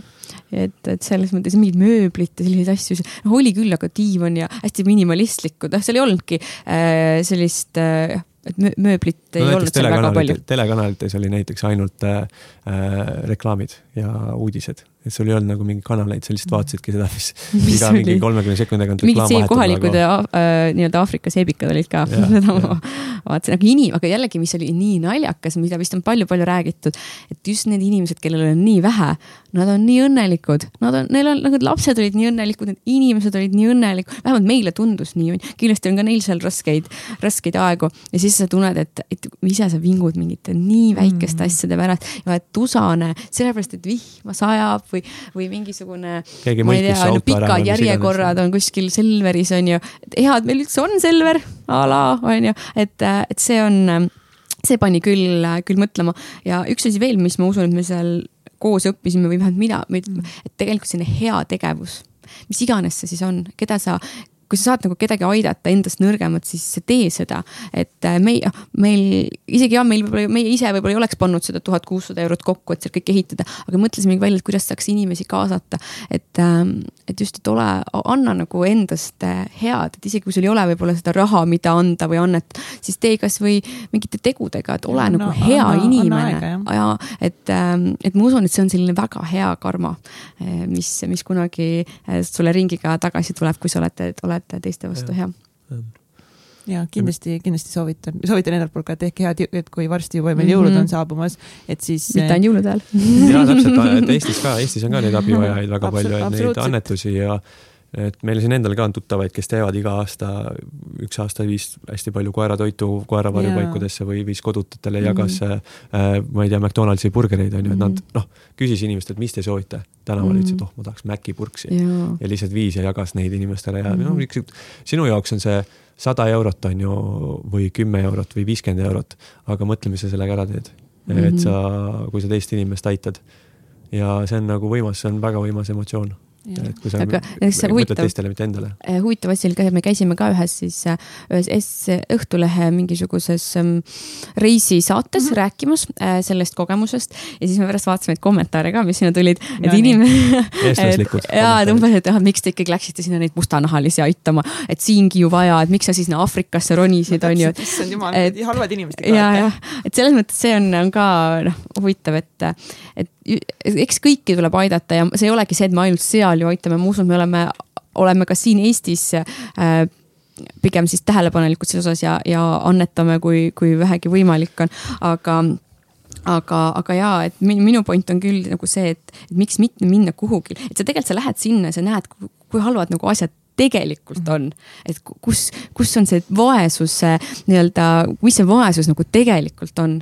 et, äh, et ma usun, et eh, noh, Eestis saab ka aidata inimesi, aga, aga mujal. arvestades, kui vähe meid on siin Eestis tegelikult, üks koma kolm miljonit ainult mm. -hmm aga mujal maailmas on, on neid abivajajaid ka väga palju, et, et just ja see on lahe, see on kindlasti äge kogemus ka, mida, mida teha. teistsugust elu ja teistsugust elu jah. Nagu, see avardab kindlasti nii palju silmapiiri, üks, ma tahan kindlasti minna Aafrikasse ka nagu mm -hmm. näha ja seda kohalikku elu ja tunda. ja ma soovitan täiega just sinna minna, sest ma olen alati mõelnud, et ma tahan sinna väga, ma pean sinna kindlasti tagasi minema oma elus, et kui ma sinna tagasi ei lähe, et siis ma olen nagu midagi valesti teinud, et ma lubasin, et ma lähen sinna tagasi.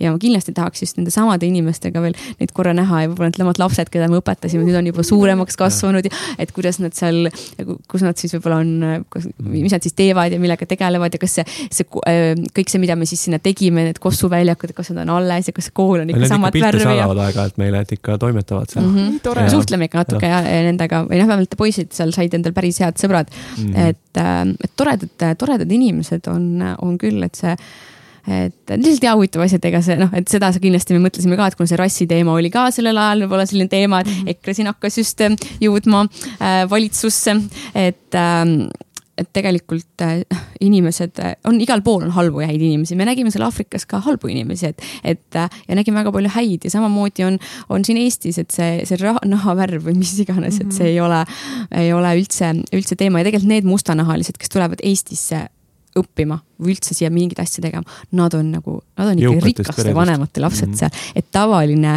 inimene mitte kuidagi ei saa endale lubada seda, et tulla, tulla näiteks ükstapuha mis, kuhu Euroopasse elama. Nad ei tea isegi, mis asi Euroopa on. no Eesti on niigi veel üks, üks selline soodsam riik. et, et tavaliselt need, kes siia tulevad, nad on ikka nii-öelda jah, et selles mõttes nagu edukamast perest ja, ja mingisugused äh, nii-öelda mingid pätid nad igatahes ei ole mm, -hmm. vähemalt need, kes siia õppima tulevad mul tuli praegu just üks oh, mõte, mõte, mõttekäik mm -hmm. seoses nagu lähenevate jõul, jõuludega ja ma tean, et meie Egertiga ja meie ettevõttega juba mit, mitmendat siis jõule ei tee omavahel kingitusi, vaid me annetame seda raha ja me pakume enda, enda aega ja me läheme kuskile kohale mm -hmm. ja ma mhm. mõtlesin just, et kui nüüd sina, hea kuulaja, kui sul on mingi mõte või ettepanek, et mm -hmm. keda või mida me võiksime kõik koos näiteks see talv aidata, kas mingit organisatsiooni, mingit peret, mingit inimest, siis kirjuta meile ja, ja anna teada, et koos kindlasti suudame pakkuda rohkem ja mm -hmm. teha, teha head, et kindlasti, kindlasti kirjuta meile, kui sul on mingi, mingi tore, tore mõte, mida teha võiks. aga üks, üks viimane küsimus teile, et te olete hästi, mõlemad hästi, vähemalt pealtnäha, julged inimesed, nende oma tegudes ja kõiges, millest te teete kuidas ka teised inimesed saaksid olla rohkem julgemad, mis oleks paar teie sellist soovitust no. kuidas täita oma rohkem oma unistusi, olla, olla nagu julgem, võtta see samm, et jah, ma suudan, ma saan hakkama? ma arvan, et äh, ma vahet ei ole, mida sa jälle, mis valdkonnas sa töötad või mis sa teed, ma arvan, et äh, pane kirja oma eesmärgid näiteks esimese asjana mm. -hmm. äh, ole, ma ei tea, tee vision board äh,.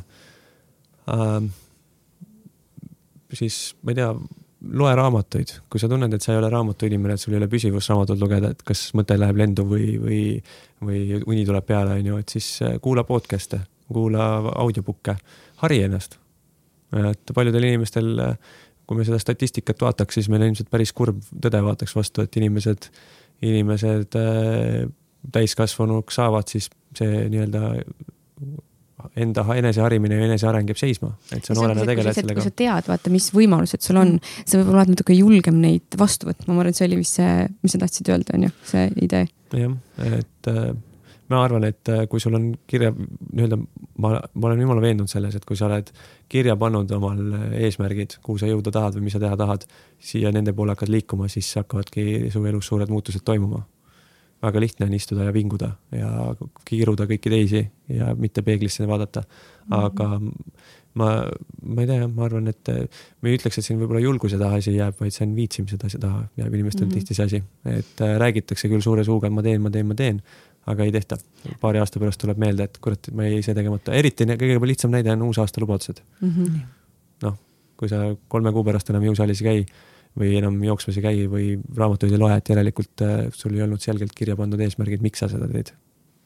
aga samas, kui jääbki, noh, eks minu, ma mõtlen, et kui jääbki nagu julgusest mõnikord puudu, sest mul on ju jäänud julgusest mõnikord puudu, et sul, et sa nagu väga tahad, aga sa ei julge, sa nii mhm. kardad näiteks seda, et äkki sa, kindlasti see fail imine minu jaoks on olnud see, et, et ma olen alati olnud selline tubli tüdruk ja ma olen kõike nagu selles mõttes teinud ka päris hästi ja ma nii kardan seda, kui ma milleski fail in või kui, kui noh et ma teen midagi ja inimesed ütlevad, et see on halb ja see ei ole hea ja, ja kui sa tegelikult teed midagi, siis sul nagunii ju tuleb seda, et sa ei saa kõigile meeldida.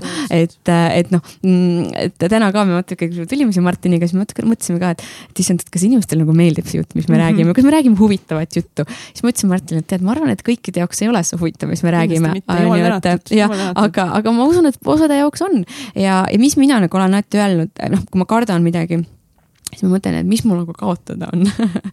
Et, äh, et mis, mis, mida ma nagu kaotan ja, ja, ja, ja ma usun, et jah seda vist ka siin podcast'is nii palju räägitud, et kui sul lähebki valesti või kui sul ongi nii-öelda. pekki läheb, täitsa pekki. kui täitsa pekki läheb ja mõnikord ju läheb ja kui sa teedki mingeid julgeid samme esimest korda veel, et siis tõenäoliselt läheb pekki on nagu päris suur.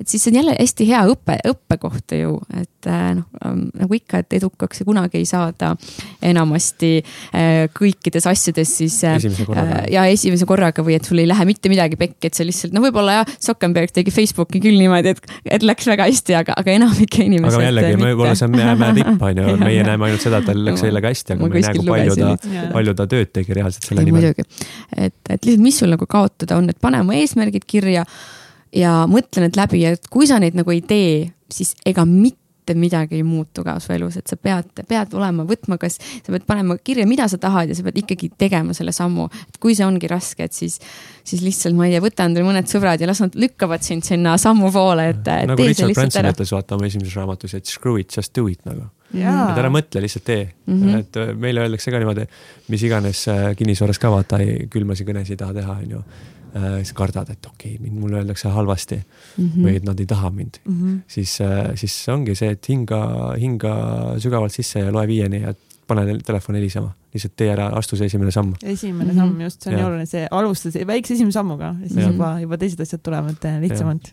et no ongi ja, ja mind on motiveerinud äh, üks ma reaalselt olen, ma päris mitmele inimesele öelnud, et üks parimaid raamatuid, mida ma reaalselt olen lugenud üle pika aja, oli Phil Knighti Jalajälg, on Shoeprint et lihtsalt, kui sa loed seda raamatut ja sa mõtled, et kurat küll nagu reaalselt üheksakümmend üheksa inim-, inimest sajast, ma arvan, oleksid kuttinud. Martin, ja Martin vahest luges seda uudist, et issand jumal, ma oleks küll alla andnud ja kõva häälega nagu ütles, et. et. ja ma vaatan seda brändi mm -hmm. nüüd täna on ju mm, -hmm. mees ei andnud alla ja see ongi, sa vaatadki, et okei okay,, ta oleks võinud äh, käega lüüa, aga ei, tal oli kindel eesmärk ja ta tegi edasi seda, läks läbi. Seina. läbi tule ja vee, mitte seina. läbi tule ja vee. kas te teate, mis aeg nüüd on? välkküsimused uh!. Martin no, ei tea, sest et mina olen täitsa pekkis podcast'i suur kuulaja, aga ma isegi ei mäleta neid küsimusi, aga ma tean, et nad alati, alati on. ma ka kunagi ei mäleta ja täna, ja täna pole Mihklit eh, ka, nii et ma pean, eh, mul pole. millised välkküsimused on? no ta kohe ütleb ja sa pead vastama, välk, välk nagu välk selgest taevast okay. peab tulema no, selle vastus lepime siis algust kokku, et esimesena vastab Martin ja siis Elis ja siis lähme niimoodi edasi mm, -hmm. et mõlemad vastavad ühele küsimusele. kas äh, sul on mingeid kindlaid äh, harjumusi või rutiine, mida sa teed igapäevaselt või iganädalaselt? ähm, olen äh, tänulik. isegi ja päris tihti kõva häälega ütlen välja seda ja ma arvan, et see on, isegi kui ta ei ole igapäevane, siis ma tuletan endale seda kogu aeg tihti meelde ja ma olen hästi, ma uplift in ennast sellega, et ma kiidan ennast kogu aeg. ja see on nagu raamatumüügist õppinud self-talk jällegi et ma ei ütle enda kohta halvasti kunagi, mult küsitakse ka, kas Martin, kas sul on midagi, mida sa ei oska teha või milles sa halb oled. siis ma olen neile tavaliselt öelda, Elisa vist küll mitu korda seda kuulnud. et ma olen öelnud, et ei ole. et äh, ma ei tea küll, et ma milleski halb oleksin. sest et ma lihtsalt ei ütle enda kohta, miks ma pean mm -hmm. endale ütlema, et ma ei teinud midagi halvasti.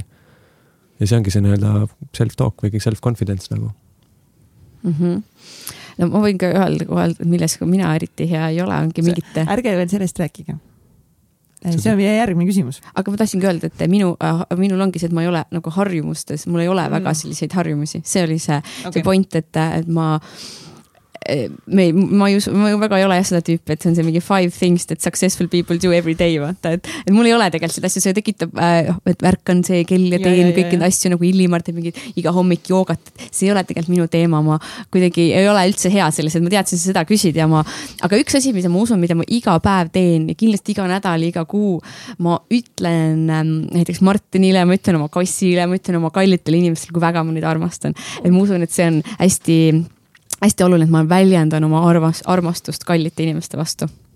see on küll väga ja. tore harjumus. ma usun küll. tee sina ka, kallis kuulaja, rohkem seda. võiksime seda rohkem teha. ja, ja me meestel on samamoodi vaata, et see, ei taha seda nagu nii tihti öelda mm. -hmm. et sa võib-olla kord kuus ütled seda nii muuseas. kuule, tead, ma ikka armastan sind ikka mäletad veel või? ma igaks juhuks ütlen, et sa ei arvaks, et ma ei armasta sind mm. -hmm. et sa võiksid kogu aeg seda öelda, et see nagu aitab suhtele kaasa ja õnnelikumaks teha nüüd järgmine küsimus ongi see, et milles sa väga hea ei ole? Äh, jah, Martin, milles sa ei ole väga hea siis? ma ei ole väga hea äh,. ma arvan, et ma ei ole väga hea söögitegija. et ma ei ole väga hea mingi hommikuti söögitegija, ma ikka, mulle meeldib see mõte, et ma söön ruttu kontorisse juba, ruttu kodust välja. tegelikult peaks võib-olla selle aja maha võtma ja rahulikult kodus sööma ja siis alles minema kontorisse no lisaks sellele, et ma ei ole jah, nagu eelmine küsimus ütles, väga hea mingite selliste väga striktsete harjumiste, harjumuste loomimises, siis ma arvan, ma ei ole väga hea, mida Martin kindlasti äh, mulle on ka öelnud äh,, nagu sellistes mingite süsteemide loomises või sellises mm. tohutus organiseerituses, et ma olen ikkagi selline natuke nagu udupea. seal. no kus sa vahepeal küsin talt, kus sul autovõtmed on või kus sul, no ongi nagu. see on nii naljakas, ma küsin Martinilt, kus on ta autovõtmed, ta ütleb mulle ja paremal pool mingi põuetaskus, ta teab täpselt, kus ta autovõtmed on. mina, ma küll ei tea, ma ütlen, autovõtmed, ju nad on kuskil, et tuleb vaadata, kas nad on seal või on äkki seal, onju. et jah, et see on hästi erinev meil, et, et ta, ta on, ta on nii, et Martin on väga selline organiseeritud ja selline jah, aga mina ei ole kahjuks. ja muideks need, kes ei ole, need pidid õnnelikumad inimesed olema, sest need nagu, need, nad ei ole nagu pedandid või perfektsionistid, vaata, need on lihtsalt Katrin, high five, high five, me oleme hästi õnnelikud super. Eh, mille üle sa oma elus kõige uhkem oled? selles, selle üle, et ma olen self-made mees. ja selle üle ka, et mul on, eh, ma just täna, ei, vabandust, öösel eile mõtlesin selle üle, et mul on ikka väga hea naine ja mul on ikka väga ägedad kassid ja et mul on nagu, ma olen nagu ma tulen õhtul koju ja see on minu püha nii-öelda kindlus, et mul on nagu iga õhtu nii hea tunne koju minna, vaata sihuke mõnus, nii uks lahti ja korras, rahu, rahuolu tunne nii armas ähm,. mis siis, mille üle uhke olen mm,? no lisaks jah, ka Martinile ja kassidele, aga ma arvan, ma olen vist juba ka ütlesin alguses, et ma olen nii uhke selle üle, et mul on nii äge pere, et ma arvan, et see on, et see on selline täielik ähm, ja ma hästi, tihti mõtlen. Ja tead, ma olen hästi uhke selle üle, et mind on mu vanemad ja mu pere on mind mõjutanud ja tänu nendele ma olen selline inimene, nagu ma olen. Ja ma usun, ma olen väga tore inimene. Et, et ma arvan, et ma olen tore ja hea ja mul on hästi sellised head väärtused ja, ja mm -hmm. mul ei oleks neid, kui mu vanemad ei oleks mind selliseks äh, ikkagi teinud, et äh, ma usun, me ikkagi sünnime küll, võib-olla mingit natukene saame miskit kaasa, aga see, millis me tegelikult oleme, meie, meie pere, meie vanemad, meie lapsepõlv nii palju mõjutab seda. Ja tänu sellele ma olengi selline tore mis on kõige pöörasem asi, mis sa elus teinud oled ja kas sa teeksid seda uuesti? raamatuid müünud üldse huvitavalt tooteid müünud, raamatuid, pensionit äh, vabatahtlikult Aafrikas mm. -hmm. ma arvan, et see on kõige pöörasem asi, et see on äge kogemus. raamatumüük peamiselt, ma arvan. Lähed täiesti suvaliselt teisele poole maakera, inglise keeles, lihtsalt tekst on pähe õpitud inglise keeles, raamatuid müüma ukselt uksele. kui sa hakkad nagu reaalselt mõtlema selle peale, mis asi see on nagu endast, mida see endast kujutab. siis see on ikka suht crazy jah, see Ameerika suvifilm on ikka natukene sarnane äh,. kindlasti seal mingeid erinevusi ka, aga see emotsioonid, mis selle pea, peanäitleja seal peast läbi käivad, on suht tõene. ja tõenäoliselt teeksid uuesti seda? muidugi ikka vahest nostalgitsed mm, -hmm. aga ja, ja see on vabalt Mm. Martin võttis jälle kõik mu mõtted ära. aga ma, ma, ma arvan, raamatu müümine on kindlasti, oli kindlasti väga pöörane. pluss on veel seal nagu see pöörasus tuli nii väga sellest, ma mõnikord mõtlen nagu tagasi raamatumüügil, eriti kui ma sealt tulin vahetult. mõtlen, et issand, mida ma seal kõike tegin nagu, et ma tegin igasuguseid hulle asju. näiteks kui mul oli mingi ratas oli katki, siis ma võt, läksin kuhugi bensukasse on ju, läksime seal teise tüdrukuga, umbes leidsime sealt mingisuguse tüübi, kuule, et ole hea, vii mind sinna. astusin täiesti vabalt mingisugusesse autosse ja siis lootsin, et oi äkki äkki joppab ja äkki ta viib mu siis sinna, kuhu vaja. sest ega, ega, ega ma ei mõelnud millelgi, mul oli see, et ma pean olema sellel kellaajal täpselt seal, vahet ei ole, kuidas ja, ma saan. ja, ja seda oli päris palju õhtuti ka on ju mõnikord mingi, ma mäletan ja täpselt teadsin, koputad mingitele ustele, et palun aidake mind, viige mind kuhugile ära, täiesti lähed mingi suvalist, noh, et sa saad nii nagu desperate on ju mingil hetkel. Ja sa tead, et sa pead koju saama ja siis seal on noh, mis sul need valikud on, sa lähed ikkagi, üritad kuskilt mingi võõra, võõra inimest, võõrast inimest usaldades, et ta äkki siis aitab sind, aga äkki ei aita, äkki võtab ja viib su hoopis metsa, et seda on päris palju, et ma ei tea küll kui mu tütre saab raamatut minna müüma, et siis ma parem ei mõtle enam nendele asjadele, mis mina seal tegin, et see oli päris pöörane jah. ja respekt vanematele, et nad lubavad sul sinna mm -hmm. minna. ja täiega. me kindlasti lubame lubate või panete selliseks eh, kohustuseks kohe? kohustuslik jah. siis enam raamatuid müüakse. siis müüakse mingid. kaheksateist mingi. mingeid tablet, tableteid mis on eh, edu võti? töökus, pühendumus, ma arvan, et sa teed teiste, teed teistest rohkem tööd hmm.? no see on küll raske küsimus, seda ma ei mäleta seal, seda ma ei mäleta, et see oleks olnud. no jah, okei okay., Edu Võti, see on kuidagi hea, et Martin nagu ütleb mingid asjad ära, aga ma mõtlen, kas mul endal tuleb. mul on eelis, et kui ma esimesena ütlen. mingi mõte üldse, et kas mul tuleb midagi sellist Edu Võti, ma arvan, et, ähm, et Edu Võti on ka see, et sa äh, teed seda, mis sulle ikkagi meeldib et muidu sa nagu ei saa eriti hästi väga edukaks või siis see edu on lõpuks selline, mis jookseb sul lihtsalt mm. sõrmede vahelt äh, äh, ära ja, ja ega sa ei, noh, ütleme niimoodi, et samamoodi, et sa ei, sa ei pea väga kaua vastu, tehes seda, mis sulle ei meeldi. et, et sa tahad ikka edukaks saada, siis sa pead valima, valima endale selle õige, õige tee. vot nii skaalal ühest ah. kümneni, kui veider sa oled? ma arvan, peaks vastama seda üksteise kohta ma tahaks küll teada, kui, kui, mida Martin arvab, kui veider mina nii. olen. teeme, teeme seekord niipidi. aga ma, ma arvan, et mis sa arvad, kumb veidram on, kas mina või sina? ma arvan, et äh, no, mõlemad. ma arvan, ma olen väga palju veidram kui Martin. aga noh, paku siis. ühest kümneni, kui veider ta on või? jah äh,. okei okay,, see on välk, siis ma pean kiiresti ütlema, ma ei tea, ma arvan mingi äh, seitse noh, Martin ka, ma arvan, Martin on, ma ei tea, minu arust nagu Martin ei ole nii väga veider inimene. et ma arvan, mul on natuke rohkem mingeid veidrusi, mis mulle, noh, mingid asjad, mida ma teen ja siis Martin issand, see on nii veider, et, et äh, ma ei tea, mulle meeldib mingid ma ei tea, juuksekarva kuskilt kanalisatsioonist välja tõmmata, mingeid selliseid asju nagu, mis mulle meeldivad sellised asjad ja Martin ei, talle ei meeldi nii väga, aga see ongi mingi veid, ma arvan, et Martin on siis kuus, kui ma olen seitse. Mis sa arvad? väga õige sul on, ma mõtlen, siis ma ei tea, et mingeid veidrusi oleks sul tohutult, aga enda puhul ma leian küll mingeid väga imelisi aa, tal on mingid siuksed veidrused, et tuled koju näiteks, siis autovõtmed on kraanikausi kõrval nagu või, või ma ei tea, pangakaart, pangakaart oli äh, müsli, ei selle, mitte müsli, vaid selle mingid need, mis need on, need mingid kitsad peenikesed, mingid leivad, leivakesed, vaata, selle leivakese pakis oli pangakaart ja ID-kaart. ja ütles, et oi, mul ei olnud seda kuhugi mujale panna ja siis nii muuseas avastas selle sealt. No vot täpselt kõik need asjad, ma usun, et ma olen natuke natuke veidram, aga Martin on ka tore. Martin on ka tore. ja, et muidu jube õudne oleks, kui oleks kaks mingit hull veidrikku koos. ja ma arvan, et ongi nagu teie puhul lahe see, et te nagu ikkagist mingil määral tasu, tasakaalustate üksteist mm. Mhm. -hmm. et mulle meeldis, kui me Elis ja Martiniga nüüd viimati kokku saime, siis Elis ütles, et Martin on nagu täiesti hullumeelne inimene ja Elis on siuke chill. Ja ma arvan küll, ma olen chill ja Martin on, tal on, Martin on hästi lühike sütik, mul on hästi pikk sütik. aga kui see minu sütik ka ükskord sinna lõppu jõuab, siis läheb. siis on jama, siis on jama, aga, aga Martin jah. on ju, keevaperelisem. mm. -hmm. Nii tore, et te tulite täna siia saatesse, mul on nagu, mul on nii hea meel ja mul on nii suur äh, au ja rõõm nagu tunda teid päris, päriselus ja kutsuda teid enda väga heaks sõpradeks, te olite meie pulmas.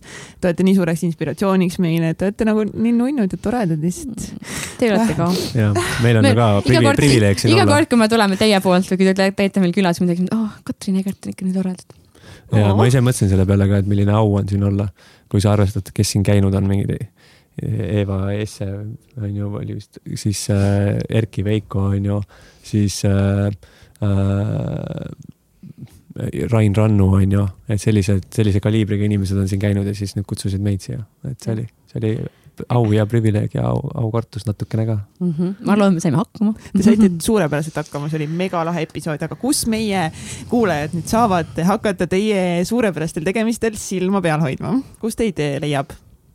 Martin, kui saaks valida, siis teda ei leiaks kuskilt äh,. aga, aga kuna ta ikkagi teeb kinnisvara, siis ta, nojah, ühesõnaga mind leiab siis Facebookist. mul on selline nagu sinu toit, Elis Nikolai sinu toitumisnõustaja ja siis äh, Instagramis on ka Elis Nikolai. et seal, sealt saab pigem just nagu nüüd toitumisteemadel minuga siis äh, suhelda ja vaadata, millega ma siis hakkama saan. varsti tulevad ägedad videod ka äh, välja. nii et ootame neid. ja Martin, kus sind leida saab? Mind saab leida. mind saab leida. sealt Remaxi kontorist. ta on, nagunii kogu aeg seal, Ahtri kuus Tallinn leiab mind, kui tahate kohvi juua ja rääkida kinnisvarast või millest iganes äh,.